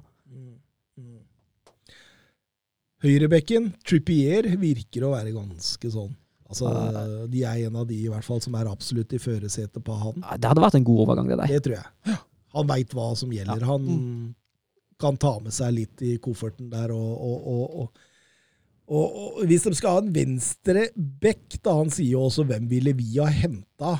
Um, Grimaldo. Var det ufint? nei, den er, den er fin. Oven Vindal fra Aset Alkmaar, han ser jo brukbar ut. Ja, skal jo være et bra talent, det, som kan videreutvikles. Eh, Ender vel opp i en storklubb om ikke så altfor lenge, eller i hvert fall en større liga. Så hvorfor ikke hoppe på Newcastle-bølgen? Mm. Absolutt, og da, da hadde de fått to bra backer inn. De hadde fått en Båtmann, en Roden, en Kamara. Og da mangler vi en nummer ti i så fall. Coutinho! 40 Coutinho. Eller 60 millioner, kanskje. Det hadde vært ålreit. Ja, altså han, han blir jo rykta. Ja. Dembélé òg er vel ganske hardt rykta. Men han også, der er det vel ganske kraftig på at uh, han eh, vil ha gratis til sommeren. Ja. Dembélé skal vel skrive ny kontrakt, skal han ikke det? Det ryktes begge veier. Begge veier. Begge veier. Eh, ja. Eh, før vi begynner med litt transfer, skal vi gå gjennom eh, Geir Halvor Kleivas eh, årets lag fra valgfrie verdensdeler. Ja. Mhm. Eh, og så skulle vi vel simul... Hva heter det? Simultere? Simulere. Simulere? Simulere? Sett på sjakk, du. Simultan. Simultan, ja. Simultanåpning. Nei, du har ikke sett på sjakk! Nei. Det, det har vært på bakgrunn. Det har vært har det, ja. men jeg, jeg, jeg, Altså, du veit hva simultan betyr? Nei. Nei, ok. Da spiller du, eh, spiller du samtidig mot flere motstandere. Ja, ok. ok. Men det fins mye artige åpninger, ja, det er jeg helt enig i. Ja, du Ja. finner Dronninggambit og spansk og fransk. Ja, der gikk jeg tom for åpninger, faktisk. fransk. Siciliansk. Siciliansk åpning, ja. Det er helt riktig. fransk. Har du sett Dronninggambitten? Eh, Jeg har sett uh, ja, jeg har sett den på Netflix. Ja. Du så den ikke på kino? nei, nei, den er fin. Det er underholdning. Du behøver liksom ikke kunne så mye sjakk, og så allikevel så bli underholdt. Ja. Nei, jeg holder meg til fotball, jeg, gutta. Eh, Podolski, eh, for å skyte inn der, Lukas Podolski sa en gang fotball altså sjakk bare uten eh, terninger. Oi! Ja. Uten terninger. ja, for Podolski er da nok ikke kjent for å være den skarpeste kniven i skuffen, men eh, ja. Nei, selv jeg visste at sjakk ikke ble spilt med terninger. Ja, det var litt humor. Eh, Hvem skal begynne altså med å presentere dette verdens, eh, altså årets lag i, i utvalgt verdensdel? Ja, jeg kan godt begynne, jeg. Jeg følte jeg fikk den eh, Eller jeg fikk jo velge, da. Dere valgte å Det var du som, som var veldig på at du skulle ha Europa. Ja, eh, og det angra jeg bittert på da jeg satt møtet her i går, for den uh, maken til eh, utfordringer Altså et årets lag, da. Jeg satte jo liksom for at eh, man må jo ha hatt et bra år. eh, og man må selvfølgelig være født og oppvokst i Europa, alt jeg på å si. Du må representere et europeisk landslag, da. Ehm, så jeg tenkte jo, begynte jo sånn som du sier, at du, du nominerte de forskjellige posisjonene, og så er det da snakk om å velge en, en elver til slutt. Og, og noen plasser gikk greit, andre plasser er faktisk umulig. Ja. Det er faktisk umulig. Jeg sliter med å skille hva som jeg sjøl syns er bra, og hva som jeg faktisk veit funker i et lag, og, så- og, så- sånne ting. da. ja, Men på de umulige plassene så kan du få hjelp av meg og Søren. vet du. Ja, ja. Det, dere kan være med å veie inn der. Det er ikke Men, det- men det er satt opp i 4-4-2. Ja, det har jeg jo. 4-4-2, vet du. 90 minutters informasjon. Ja, bare for å gjøre det litt mer vanskelig. Uh, på keeperplassen uh, For meg så er det jo Jeg er jo så Noyer-fan, så jeg, uh, jeg har veldig lyst til å shippe inn han med en gang. Men eh, den, det drøye halvåret De Gea har hatt, gjør at han er en veldig god kandidat. Og den svake halvsesongen Oblak har hatt, gjør at han også faller litt ut. Eh, så det var vel egentlig til slutt de tre sto Men Jeg hadde jo selvfølgelig lyst til å skyve inn på Alison og sånn også, men det Men Courtois, Courtois, ja, ja, han også var med, men jeg er fortsatt på Noyer, ass. er du det? Foran Courtois? Mm. Ja, det var Courtois. Ja, det er jo. Men eh, Det er mitt lag, er det ikke? Ja, det er ditt lag, så det, det, Det jeg skal jo, du jeg skal jo møte dere, skal jeg Du ikke som det? skal møte oss til Ja, kamp, ja. ja. da er dere faktisk litt inhabile, da, når vi velger uh, Blir som Der motstanders du, der du sliter, så velger vi det dårligste. ja, eh, For det blir som om motstanderen velger laget ditt. På høyrebekken så er det egentlig bare to gode valg. Eh, Cancelo og Arnold. Dette snakka vi om på forrige podkast. Jeg var jo veldig på Arnold. Eh, Så jeg kommer til å fortsette å stå med han. Det er vi vel uenige, vi om. ja, det Ja, vi er jo det, så Ja. dette vil begynne bra for oss. På venstrebekken så, så er det jo heller Det var litt flere å velge mellom, men også her er det jo noen som skiller seg ut. da. Andy Robertson i Liverpool, Theo Hernandez i um, AC Milan. Uh, Ferland Mendy i Real Madrid. Men uh, jeg valgte en annen Real Madrid-spiller som jeg valgte å dytte ut på venstrebekken, i David Alava. For å få plass til han. For å da kunne skyve inn en brukbar stopper til på Ja, han har, han har vært bra i både Bayern München Mm. og i Real Ja, ja. Madrid. så Men han har jo spilt mest stopper, da. Så det Ja. blir jo, det blir jo Jeg syns det er greit når han kan spille der. Altså, det, Ja. det er jo en klar preferanseposisjon for Alaba, Ja, ja, så det ja, ja. syns jeg er innafor. Og han har spilt der for Real òg, faktisk. Ja. Eh, på stopperen litt flere alternativer der også. Eh, Van Dijk skiller seg selvfølgelig litt ut. Uh, var riktignok skadeplaga store deler i fjor, men allikevel så har jeg lyst til å ta med han. han. Navnet hans runger så sinnssykt, og han har jo vært Kom vel tilbake i Sommer. I sommer, ja. var ikke med i EM. Så han har jo bare hatt et halvt år, men, eh, men allikevel. Han, vi ser jo hvor viktig han er for Liverpool når han kommer tilbake igjen. Eh, ved siden av, der er det litt mer åpent. Eh, du har to karer i Inter, i Skriniar og De Vrij, som har vært eh, strålende. Eh, du har en som har kommet til United og tatt egentlig Premier League litt med storm. I Varan var også veldig god i i eh, Real Madrid. Du har en Opamecano som er på vei opp og fram. eh, Og du har også valgt å ta med en Jules Condé, på tross av det han gjorde mot Barca i, på lille julaften. Så, så var han med, men jeg har selvfølgelig landa på Ruben Diaz i City, så van Dijk og Diaz på stoppeplass. Ja, det støttes. Det er greit. På midten, da. Da, da, begynner, da begynner utfordringene. Det er her jeg sliter størst. Sentralt så har jeg nominert da følgende Vi begynner sentralt. Eh, De Jong, De Brøne, Bernardo Silva, Bruno Fernandes, Jude Bellingham, Joshua Kimmich, Luca Modric, Nico Barella, Marco Verratti, Gundogan, Kroos, Henderson, faktisk. Og tok også med Tiago, selv om han eh, selv om han kanskje ikke er Og da har jeg tatt med at jeg dytta Pedri og Foden som kanter. Mhm. Så jeg har da Pedri, Foden, Sancho, Grealish, Stirling, Sané, Fati, Chiesa Fati kan vi egentlig droppe. Uh, Chiesa og Venitius. Vinicius? jeg har tatt med Venitius i Han er brasiliansk. Ja, fader, det er han! Herregud, der ser du. Men han er ikke med på laget mitt.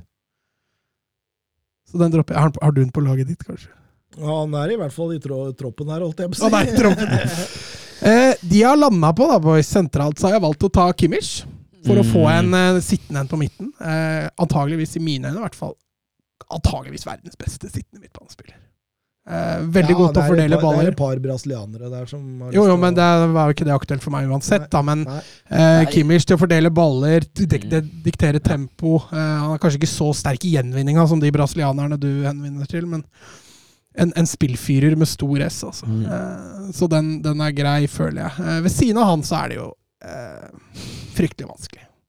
Og det er her jeg sliter. Jeg endte opp med Barella. Oh, oh. Jeg liker valget, faktisk. Ja, men Ja. en indreløpertype ved siden av Kimmich. Det er spørsmålet hvordan han hadde fungert i 4-4-2. ja, det er det. Altså, den, den som jeg kunne Altså, jeg er jo De Bruyne fanboy, men jeg syns ikke han har vært så god i Nei, det var, det var akkurat det jeg Men på. den, den jeg kunne tenkt meg deg, hadde vært Benardo Silva. Fordi han har vært Jeg Ja, han han har vært strålende. strålende, men han har jeg vurdert også å dytte ut på kant, Mm. Han jeg landa på på kanten, han har også bare vært god i litt rann tid, og Mm. det er Sané. Mm, Han ja. har vært magisk etter at Nagelsmann tok over. ja, men før Før det var han jo fryktelig naken. Ja.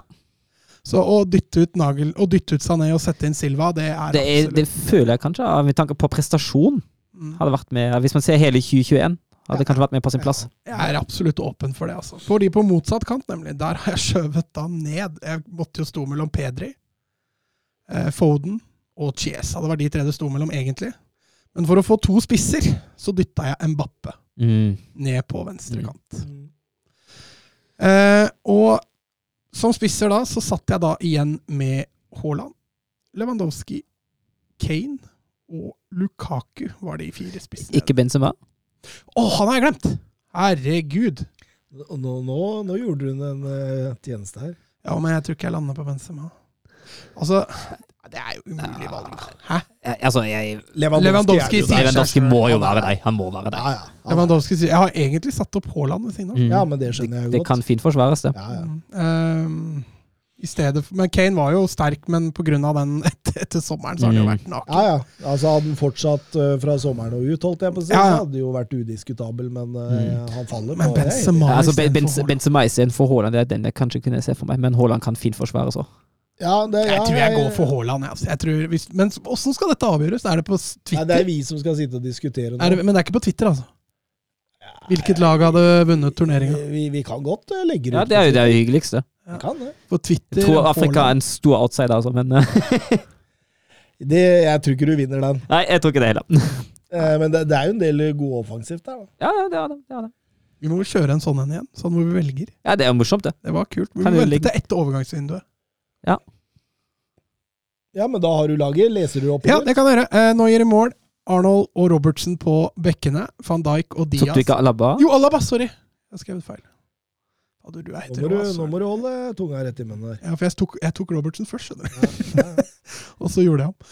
Alaba på venstrebekk, og så hadde jeg Barella og Kimmich sentralt. Og så hadde jeg Bernardo Silva og Mbappe på kantene. Og så hadde jeg Lewandowski og Haaland på topp. Det Det er ikke gærent å ha en nordmann på det laget. da. godt fotballag. Søren Døpker, Afrika. Ja. Da har vi betraktelig mindre utvalg på en god del posisjoner her. ser, ser notatene dine. Ja. Det er ikke Men, voldsomt. men det. det kan jo sies at på noen posisjoner skrev jeg opp et navn, og så visste jeg at det ble den, så var det ikke vits å nominere mange flere der, også. Blir fryktelig skuffa hvis ikke Kelvin John Mbappe er der nå. Han er ikke der, kan jeg avsløre med en gang. Da spoiler jeg deg, men han er ikke deg. Men vi kan jo starte på mål. eh, og da, Det var et av navnene som jeg skrev ned umiddelbart, og det er jo Edo Amordi uh, for Chelsea. Uh, han er etter min mening den uh, soleklart beste afrikanske keeperen i 2021. Eh, den eneste som kan gi ham litt kamp om plassen, det er Bono, men jeg syns Mondi har vært minst én klasse bedre enn Bono. Ja, ja, ja. Det istemmes. Venstrebekk, den posisjonen som jeg syns er svakest i hele laget.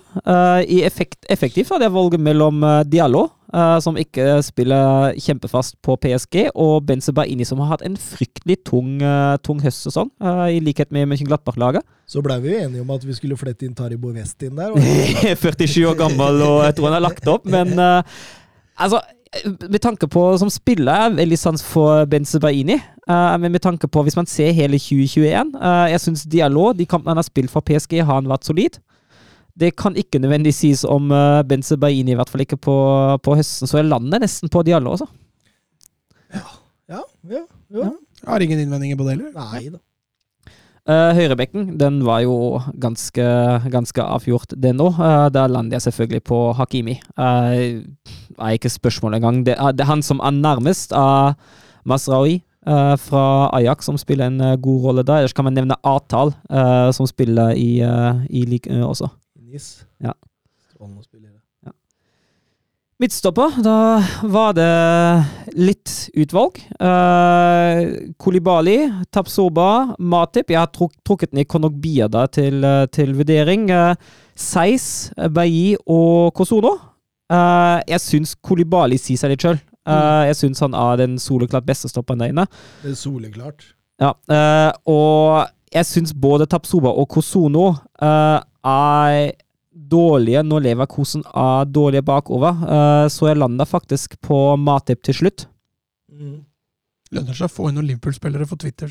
faktisk. Det er ikke den eneste, hva skal jeg si da? det kommer, kommer to til der som spiller litt, litt høyere opp i banen. Nei. Nå ble jeg overraska. Ja, ikke sant. Nei, det blir Kolibali og Matip for min del uh, i, i mitt Så du fant ikke plass til Ogbu, altså? Nei, jeg gjorde ikke det. Jeg Gjorde ikke det. Da må han, eh, må han nok komme seg til en litt større liga. Selv om eh, Matthew finner du plass til. Dessverre. Uh, venstrekant, den var også ganske gitt. Uh, da er det selvfølgelig Sadio Mané. Uh, den eneste andre navnet jeg har skrevet ned deg, uh, er Saha. Men uh, det, er, det er ikke spørsmål engang. Det er Mané. Ja, ja, ja. ja. Uh, Høyrekant, da lander jeg i utgangspunktet på Sala. Um, får konkurranse av Mares, eh, men eh, hvis det står mellom Sala og Mares, er det Sala. Det eneste jeg kan være med på, er å eventuelt skyve Sala opp på topp for å få plass til, til Mares på lag, men det kan man jo se når man eh, Da skal du ha gode spisser hvis du ikke har gjort det. ja, det, jeg vurderer nesten det, for jeg synes nå, med, med tanke på de spissene jeg ser på, tenker jeg nesten at det har vært best å skyve Sala på topp og, but, og flytte inn Mares på høyre Riyad kant. Mares toppskårer i Ja, Manchester ja, ja, City og han har vært så langt. Han har vært god. Så jeg tror kanskje jeg gjør det. Jeg flytter Mares på, på høyre kant, ja. Sentralt, da var det litt å velge. Uh, Kessi, Ndidi, Partey, uh, Benazer, Siech og også Keita kan nevnes deg. Mye, mye godt der. mye godt deg. Eh, Jeg syns han som sier seg sjøl, er Kessi. Jeg syns Kessi har vært strålende i, eh, i Milan. Fantastisk og helt nydelig. Og så er jo litt problemet da at i motsetning til Mats, jeg, jeg savner litt sånn den offensive, offensive typen på samme nivå. Den eneste virkelig offensive da, det er jo egentlig Sier. Alle andre er jo litt mer holdne, så det blir en litt mer defensiv uh, midtbane. Det, det har du kanskje bruk for. Ja, det tror jeg om. Um, og det sto det fa altså den, den duellen hadde du spurt meg i sommer, hadde, hadde jeg soloklart svart en Didi. Men jeg syns ikke en Didi i høst har vært, eh, har vært like god. Jeg syns fortsatt Didi vinner den da knepent mot uh, Benazer og Partey. Men jeg velger en Kessi og en Didi til slutt. Ja, det blir en sittende. Du får legge deg lavt. Ja, jeg må nok det, med tanke på hva jeg Ja, ja, møter. du har så- Mares og Mané. kontringsstyrke framover. Ja, ja, ja, faktisk. Spissene, da var det en, eh, en god del uh, gode navn å velge mellom. Uh, Ianacho, Ossimen, Avonii, Enisiri, Aller, Daka og Aubameyang.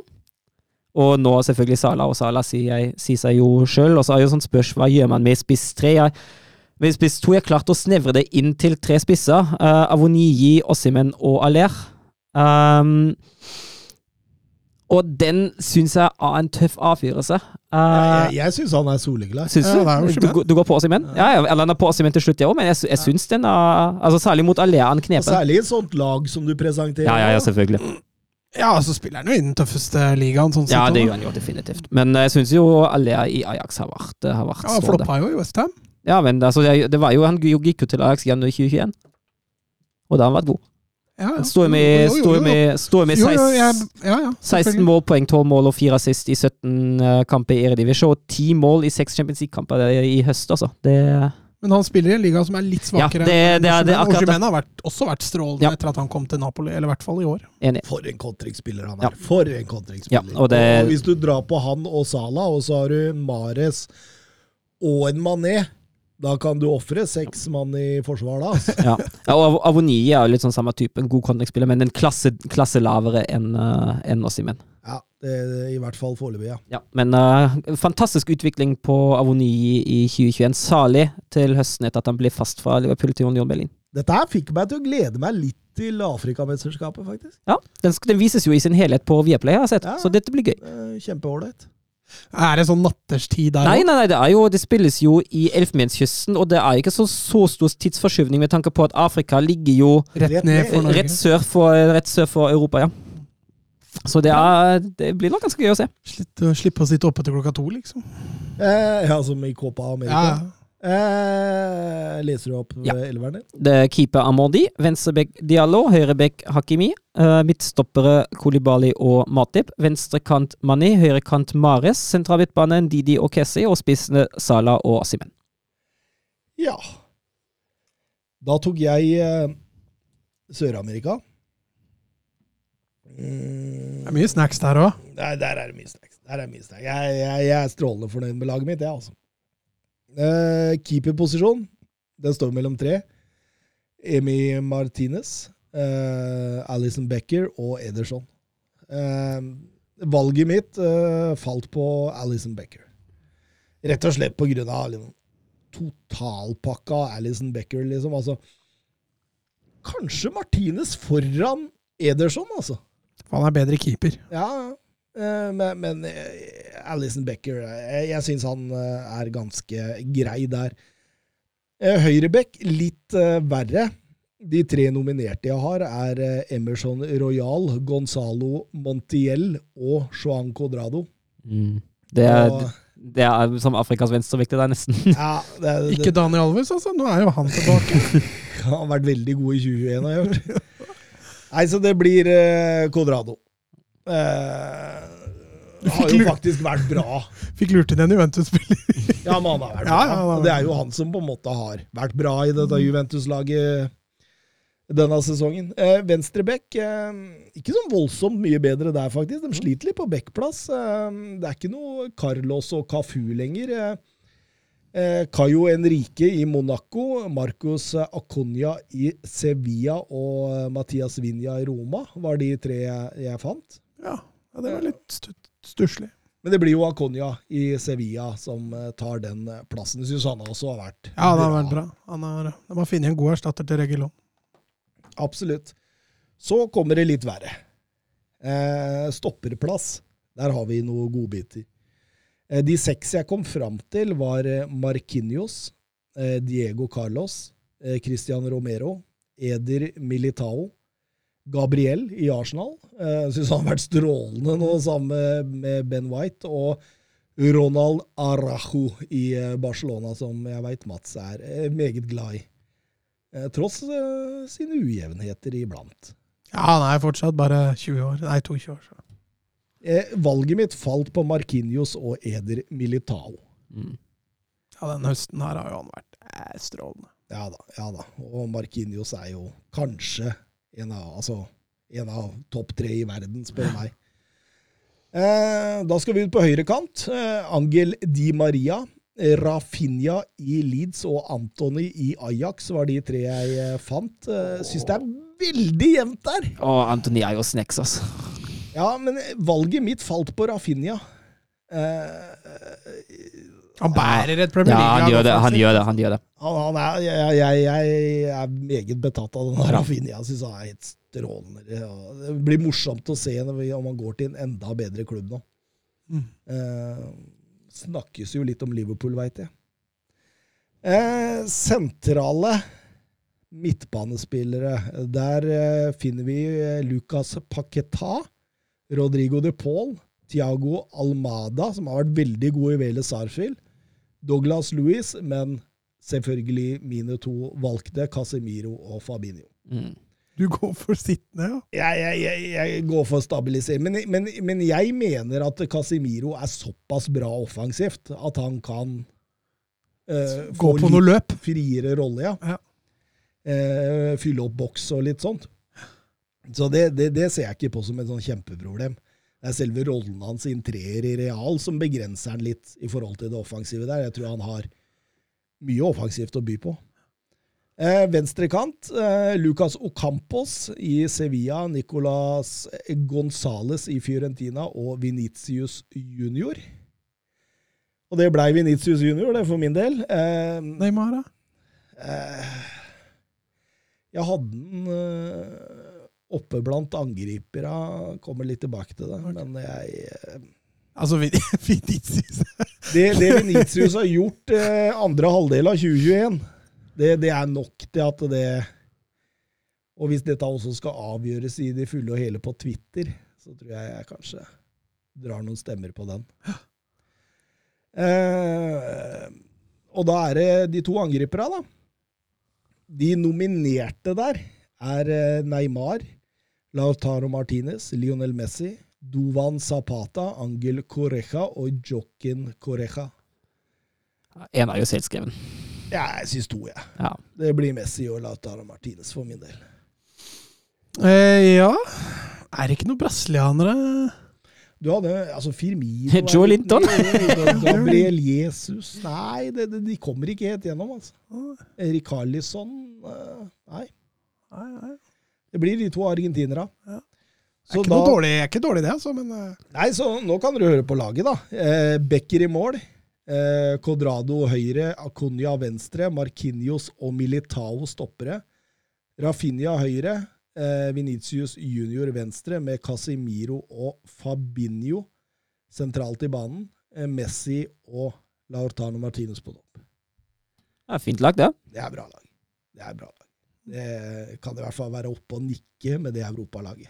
jeg er litt overrasket at du ikke fant plass til Neymar. altså.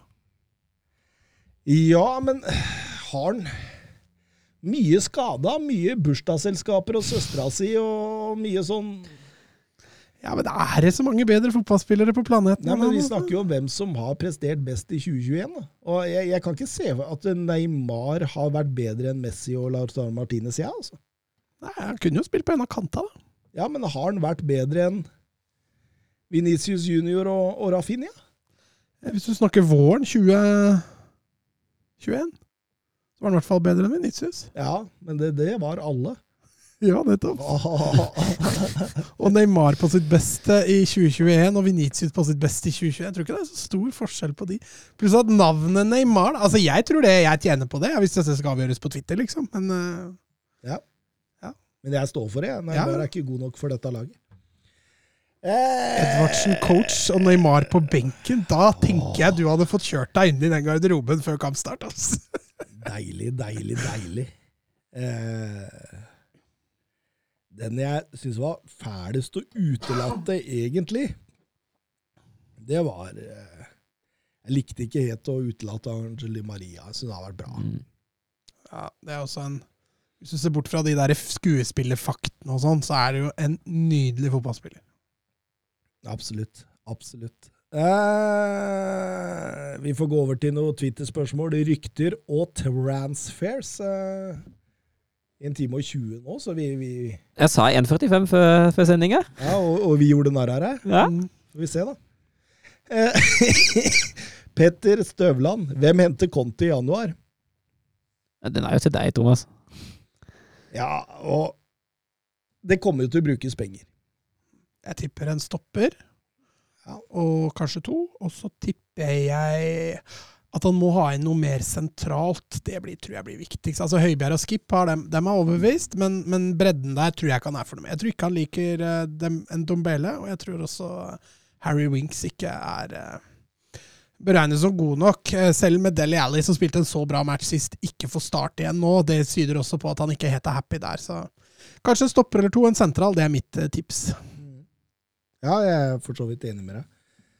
Eh, veldig vanskelig å si da, hvem han henter. Altså, Kommer en fra Inter. vet ja, hvis Inter har lyst til å selge, da. De, de er jo, De er jo ikke med, rike. med i det meste. Ja, men de er ikke rike. Nei, Kommer er inn et bud der på 60-70 på Skrinjar, så. Men jeg tenker jo også litt eh, mot Juventus og den på en måte linken Paratisi og, og, og Conte har der. Altså, da, da tenker jeg jo en Dybala som har vært eh, rykta over tid. Ja, men og De Ligt, som vis- De Ligt, ja. Ligt skal visstnok være ikke helt happy i Juventus. Nei, og det kommer noen sånne smårykter med de Ligt i Tottenham nå, så mm, at det, det ville være rart om ikke Paratisi har i hvert fall sjekka åssen ståa er der. Mm. Eh, men, men samtidig så hørte jeg jo Conte snakke om dette ja, det var i- tidligere i denne måneden, og han var jo veldig sparsom med detaljer, selvfølgelig, på det der, og der men sa også det at, eh, at det ville sannsynligvis komme noen. Og, Og de, de mest nevnte navna, da, det er jo Frank Kessi, eh, Brozovic, Skrinjar, De Frey, De Ligt, Vlahovic, Mil, eh, Milenkovic, Adama Traoré og Klama Langlais er vel de mest nevnte navnene. der. Mye Serie A, da.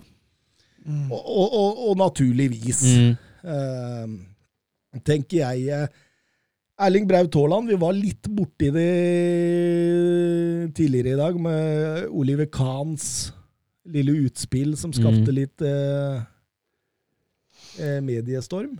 Ja, det, kan, det kan jo være taktikk, da. Så tenker jeg det altså Lewandowski har vel sagt at han at han eh, kan være åpent for å prøve noe nytt. Ja, han sa det vel sist sommer, uh, men jeg har ikke hørt noen rykter rundt det nå nylig lenger. Men uh, veit jo ikke. Altså, han, er jo, han kommer jo i en alder hvis han vil gjøre noe nytt. Da er det på tide nå. Ja, så forlater du ikke Bayern før de herrene i toppen der har sagt ok. Nei, i jeg. hvert fall ikke når det heter Robert Lewandowski. jeg tror, tror det skal litt Jeg tror ikke han bare kan Ja. si at nei, du, Men- nå vil jeg prøve noe annet, jeg. Men vi husker hvordan det var med, med Opmechano. Da var plutselig Plutselig var Opmechano klar for Bayern. Plutselig har de aktivert utkjøpsklausulen, for de har jobbet godt og tidlig med Opmechano, og plutselig var han klar for, for Bayern. Så Bayern uh, kan jobbe godt i kulissene hvis Og- de har sikra seg inn på en. Og de vil ikke være på jobb hvis de ikke, i hvert fall ikke følger med situasjonen Nei, her. enig. Og det må de jo. Det, det gjør de helt sikkert. eh, Men en liten sånn eh, runde rundt bordet. Blir han Guardiolas nummer ni? Blir han Xavis eh, prestisjekjøp, som det har vært snakka om? Blir det Real Madrid? Eh, Blir det Ralf Ragnhild som lokker han til ManU, eller Altså, de fire som jeg leste var aktuelle. Det var jo City, Bayern, Real og jeg mener Barcelona. Det var de fire Ikke ManU, altså? Ikke United. United var ikke aktuelle, de ryktene. For det, det var rykter at det var fire klubber som skulle være aktuelle for han, og det var ikke United på lista. Og jeg står ved det at jeg tipper på City. Ja, jeg tror også det er et eh, godt uh, hint der. Uh, nå er det vel sånn at Real Madrid fort ender opp med både Pogba og Mbappe gratis, Mm. så de har vel fortsatt igjen litt cash. Nå var Marca ute og sa at Real Madrid ville ikke ha Pogba gratis engang. Nei, så de må betale for den. Nei, men at de ikke ville ha han i det hele tatt. Det skjønner jeg. Og ikke ta, Jeg skjønner ikke hvorfor folk vil ta i han der, men det er samme av det. Men uansett, da. De, de kommer til å hente Mbappe gratis, og da, da vil de fortsatt ha en del å, å cashe. Så jeg tror nok Real Madrid og City er de to beste tipsene Altså. Al- al- Altså, men men hvis, hvis man ser på Real Madrid, hva skal vi med Mbappe, Benzema og Haaland? Mbappe dytter ut på kant, Ja, det så, så den er grei. Men uh, jeg sa jo det sist òg, at ben, så lenge Benzema er der, så, så vil de nok vegre seg for å hente en Haaland. Men Det er Haaland, det, er- det er jo den sommeren her, da. Ja, ja, Hvis de og, og, venter nå, så det, Ja. får de ikke den sjansen igjen, tror jeg. og det er liksom det samme som med Lewandowski med tanke på alle òg. Mm. Benzema. Vebjørn Fredheim, Mats. Hvor har Barcelona funnet penger til Ferran Torresen? Hvordan vil han passe inn? Lover under madrassen til Laporta, da, når han eh, Nei, du, det er et godt spørsmål. Jeg vil tro De har har jo signert en ny kredittavtale eh, for å dekke løpende kostnad på gjeld og sånne ting, så, så det har bedra situasjonen i klubben en del. Men hvor de har fått penger til å kjøpe spillere fra Jeg vil tippe det allerede ligger noen avtaler der med spillere som skal ut. Jeg kan ikke se noen annen måte de har greid å fikse dette her på. Det er jo sterke rykter til både Coutinho og Umtiti og, og også Lengli og til og med Ter Stegen og de Jong er jo også rykta ut, så, så det er tydelig at alt er til salgs i Barcelona. Um, og da får de nok råd til, til å kjøpe en Ferran Torres. Fikk jo han gåseøyne, da, relativt rimelig til var det mellom 50 og 60 mill. Eh, for et ganske stort talent, så det, det kan jo bli et veldig godt kjøp, det der, tror jeg. Um, Godhandla av City òg, som kjøpte den vel for rett i overkant av 20. Mm. og så har han ikke slått helt gjennom, og så får de solgt den da for eh, nærmere Ja, det er helt enig. God deal det der av City, også. Åssen vil han passe inn, da? Nei, Det tror jeg er ganske bra. Man er jo på jakt etter en kantspiller, så, så det å få inn Ferran Torres, det, det tror jeg kan bli bra. Han kan jo Han er vel en høyrekant, men kan bli kle også venstre, så jeg har mye større troa på den overgangen her enn det jeg har hatt for i hvert fall de to siste spisskjøpa de har hatt.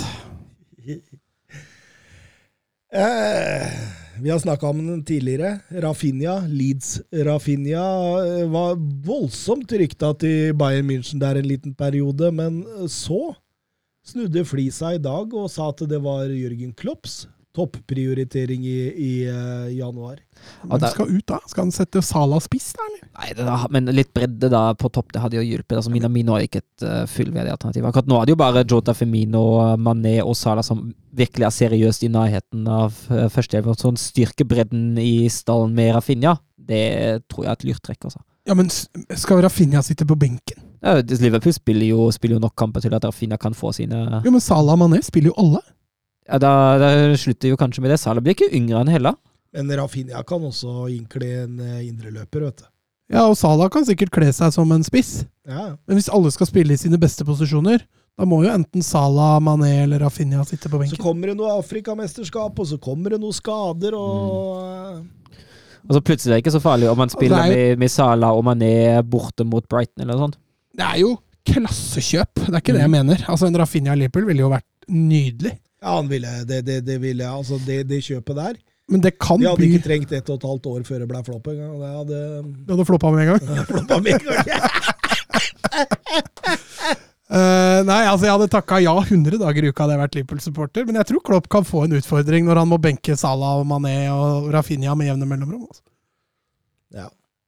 Men eh, Bayern München han har passa bra inn der. Ja, Han hadde passa veldig bra inn. Vi tar det med tanke på at uh, framtida til Coman den er jo ikke helt, eh, ikke helt avklart. Og akkurat nå er det jo ja, De har jo Mosiala også i, i bakhånd, men det er klart at uh, Rafinha det hadde jo vært uh, en fantastisk konkurransesituasjon uh, på, kant, på kantposisjonen. Der. Mm. Der er de heller ikke glad i å rullere, da. Nei, men de, Og Gnabry da, ute på benken. ja, det blir fort det. I så fall Sané og, Sané og Rafinha Ja, på, er på en kantene. fantastisk kant. Ja. Da blir det gøy å være keeper i Bundesliga framover. Arsenal og Areteta ser eh, etter et liv uten Aubameyang. Hørte du han sa Han var ikke tatt med nå i Boxing Day heller, og, og ble spurt etter kampen hva er ståa. Han bare Nei, vet du hva, vi tok den ikke med i troppen, og dette får vi se fra kamp til kamp. Så det er åpenbart at eh, Det har skåret seg der. Det har skjedd seg der. Og, og det, det gikk jo virket jo til og med Barcelona mm. for Aubameyang der. Juventus uh, var det vel snakk om.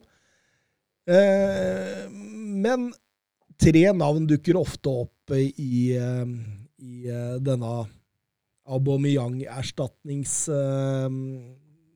hva kan du kalle det? Sagaen. Sagaen. Eh, Josef Enesiri, Dominic Calvert-Lewin og Dusan Vlahovic. Hvem vil passe best for Arsenal? Jeg tenker jo Vlahovic hadde vært, eh, hadde vært helt nydelig å få inn. Um, Calvert-Lewin er jo litt mer en, eh, en sånn toppspiss, med tanke på hvilken rolle Lacassette har i, eh, i Arsenal nå, med tanke på hvordan han involveres i oppbyggingsspillet. Jeg er ikke helt 100% sikker og visst om at uh, Calvert-Lewin kan bekle en lignende rolle. Så jeg tenker at Vlavic hadde vært, eh, hadde vært nydelig. Altså med tanke på framtida også. Uh, utviklingspotensialet der er jo enormt. Tenker jo Enesiri vil bli en sånn direkte erstatning av de kvalitetene Aubameyang allerede har. Mm. At hvis man går for en Vlaovic, eh, Calvert Lewin, så vil du få mye mer en boksspiller, da. Eh, I mye større grad. En som kan gå og ta alle de innlegga som ikke kommer fram. Ja, som nå kan komme fram. Som nå kan komme fram. Vlavic, altså Vi Får dem tak i han, det er jo en klassesignering. da. Det hadde vært En Siri er jo ikke, er jo ikke der, og føler jeg ikke Calvert Lewin er heller, på en måte. Men uh, å kjøpe fri en spiller fra en Premier League-klubb, det er som regel litt dyrere. Jeg sa det nå, en engelskmann i tillegg. Mm. Ja, absolutt. Men uh, det blir spennende å se. Jonathan Ikoné er uh, veldig nær Fiorentina. Ja, det Det vil jo i så fall være en sinnssyk signering for Fiorentina. da. 15 millioner euro. Oi. Så på, går kontrakten ut, eller noe sånt? Ja, nå er, det er ikke så lenge til. Mm. Eh, vært avbildet på, eh, på Peretola-flyplassen i, eh, i Firenze, så det, det er åpenbart at dette er ganske close. Litt sånn Ferran Torres-close. Ja, Her bør jo andre lag også kjenne sin besøkelsestid, da, for eh, det er, det er mye spiller for pe- lite penger. Ja, da får de en signering som er over sin nåværende hull, i hvert fall. Og denne Jeremy Boga fra Sassolo, han går eh, Han er klar, han. Han er klar, ja. Er han ikke det? Jeg så, jeg så- Romano skrev eh, 'Here we go'. Ja. 22 millioner euro. Det er også en god, Mm. god sum. Eh, Det her passer jo fint til Atalanta, da. Ja. Atalanta det er, der, de er verdensmestere altså, på å finne riktige typer. Helt enig. Uh, Luca Dign havna i kan du si. Ja, han, han har tatt en, eh, en Aubameyang og havna i Benitez sin unåde. Eh, Napoli ønsker å hjelpe han ut av dette unåde, og eh, Everton eh, vil erstatte han med Mykolenko, som vi husker fra ukrainske EM-laget. som Vi, vi fulgte jo han litt ekstra tett, for det var vel en av de spillerne vi, vi One to watch. Mm. Eh, hva tenker vi? Luca Dign det er liksom, begynner å sprekke opp i Everton nå, altså. Ja, det er litt synd. Han har jo vært strålende i Everton, så litt, litt synd at de, det der har gått skeis. Eh, sikkert mulig å få litt cash foran. Ikke billig, å- billig å hente ukrainske spillere heller, så det er ikke sikkert de tjener all verden på dette her, Everton. Det er vanskelig å si. Everton ser jo også på Coutinho som en mulig løsning til Mats sin store glede. Ja, ja, så lenge de betaler, da, så er det greit. Kan hvem som helst få den. Lønnskravet kunne bli vanskelig, sto det. Ja, det tviler jeg ikke på. Det er bare Barca som lønner spillere av det de vil. tror jeg. Så har vi en liten god, godbit. Ja. Ricardo Pepi. Og så ble det helt stille fra Søren. Det er, jeg venter på godbiten Altså på hvor Jeg er på vei til Wolfsburg, det kan jeg Ja, tenke meg. ja, ja. Ja, det, ja. Han er på vei til Wolfsburg. Åh, det har ikke jeg sett. Forhandlinger med FC Dallas nå, 2003-modell. Ja, ja, ja, ja, ja. Ja, sant det. Det er den unge kiden som, eh, som Wolfsburg har vært, eh, har vært interessert i. Tex, han er fra Texas Ja, og og- har meksikanske aner og Ja. scorer for moro i Ja, ja jeg, jeg har sjekka statistikkene der ryktet først kom for, eh, for, um, for Jeg tror det kom noen for noen uker siden at jeg først leste i starten av desember, og sånt, og da så jeg at den statistikken han har i, uh, i LMS, den er ganske bra, altså.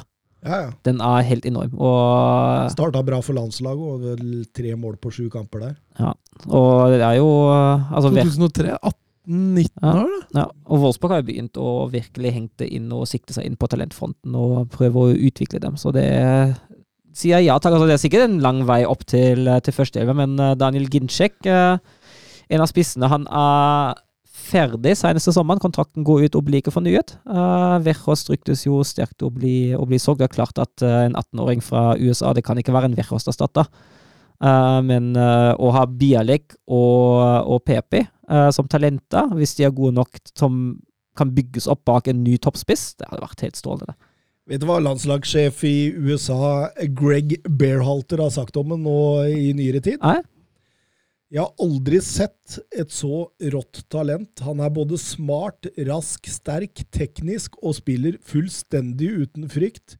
Om ikke veldig lenge kommer alle i fotballverden til å vite hvem Ricardo Papi er. Ja. Bring it on. Pepi, ikke Papi. Papi er vel noe eh, meksikanske greier for uh, kompis eller noe sånt, er det ikke det? Ricardo Papi. Nei, altså, som sagt, det hadde vært, det hadde vært strålende, det. Eh, Men de bør forte seg, for det, det, er, Ja. eh, det er klubber som Atletico Madrid, eh, Bayern München, Manchester United og Liverpool som Ja. også har følere ute der, så Særlig med tanke på hvordan situasjonen er i Wolfsburg akkurat nå. Da bør man uh... Men samtidig det, Du signerer før Wolfsburg er på nedrykk, er det du sier? men, men tenk en ung amerikaner ja, altså, som kommer til Europa.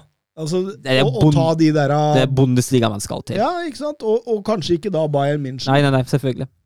Så, så, så Så tenker jeg også Både Pulisic og, og Reina er jo sikkert gode eksempler for unge amerikanske fotballspillere at Bundesliga er et godt sted å starte.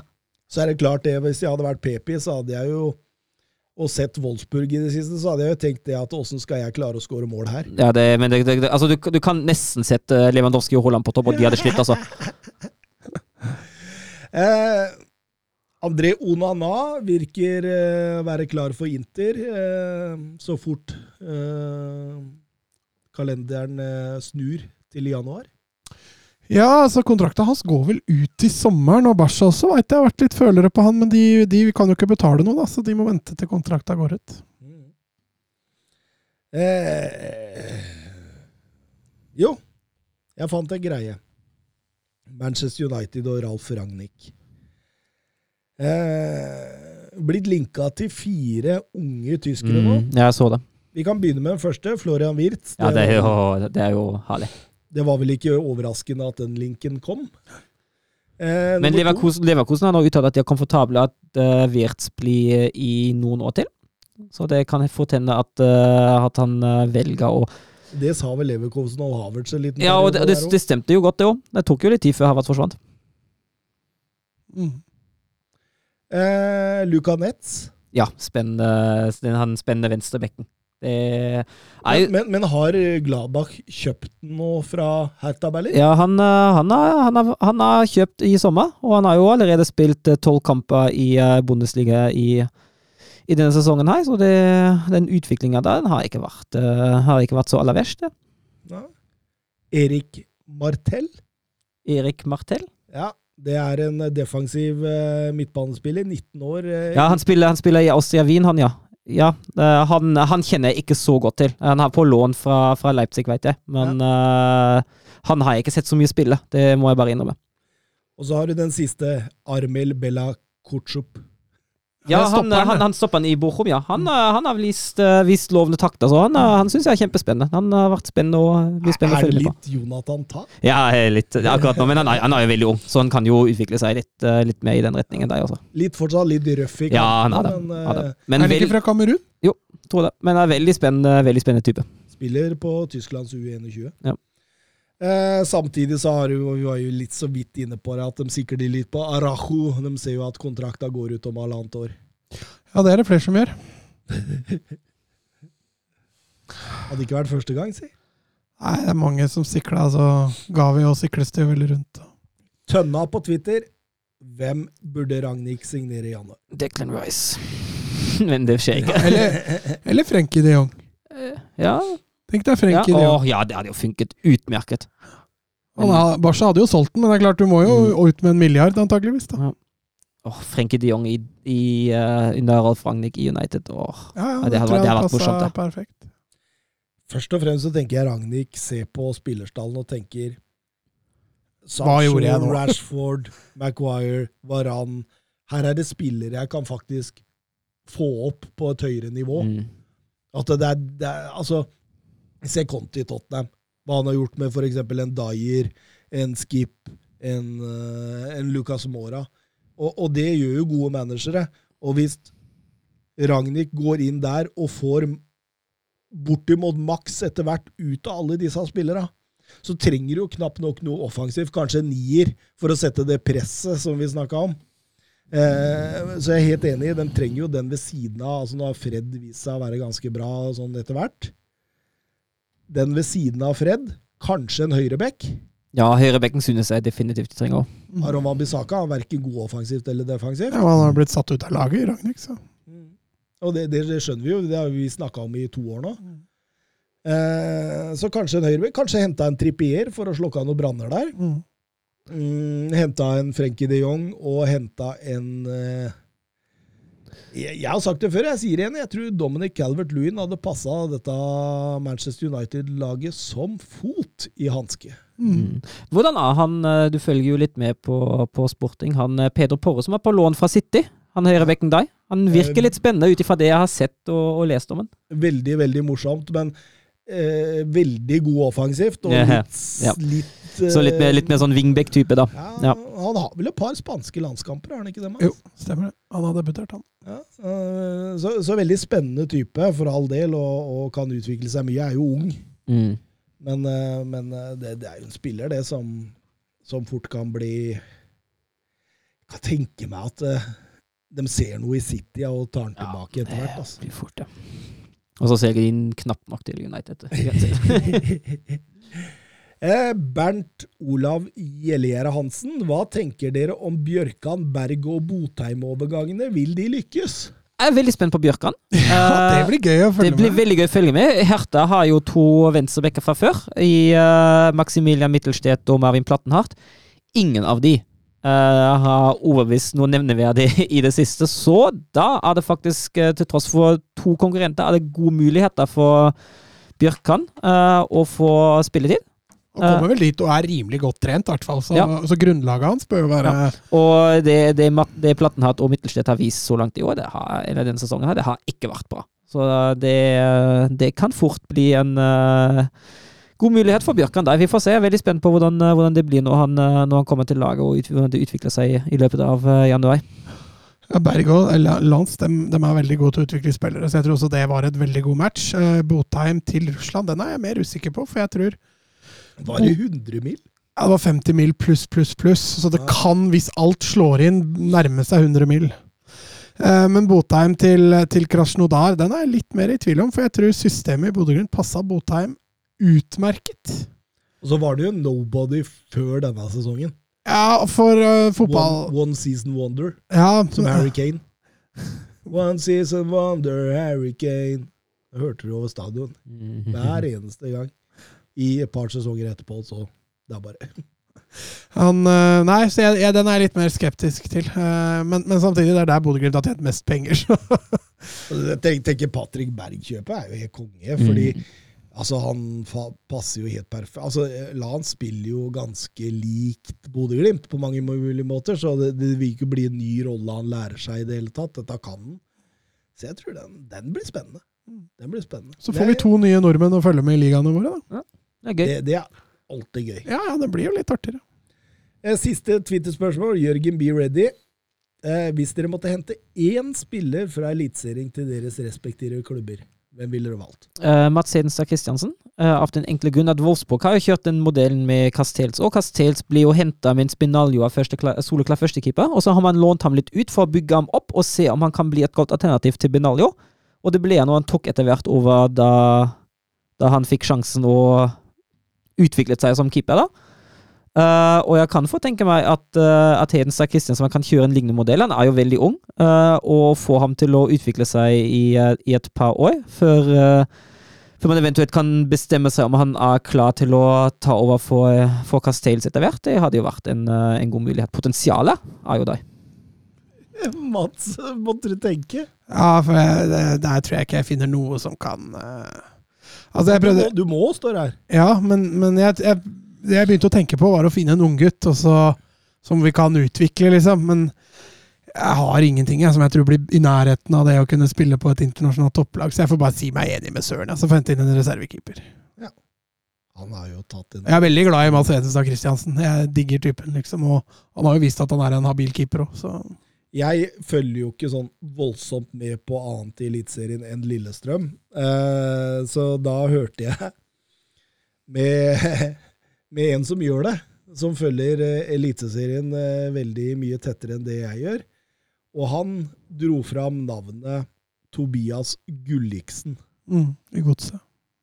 En 18-åring. Litt sånn unorsk, teknisk, litt sånn tyngdeover Litt sånn Han er en Martin Ødegaard, bare med litt mer Litt bedre én mot én, da. Ja, det var akkurat det han sa. Han er en Martin Ødegaard med litt bedre nærteknikk, sa han.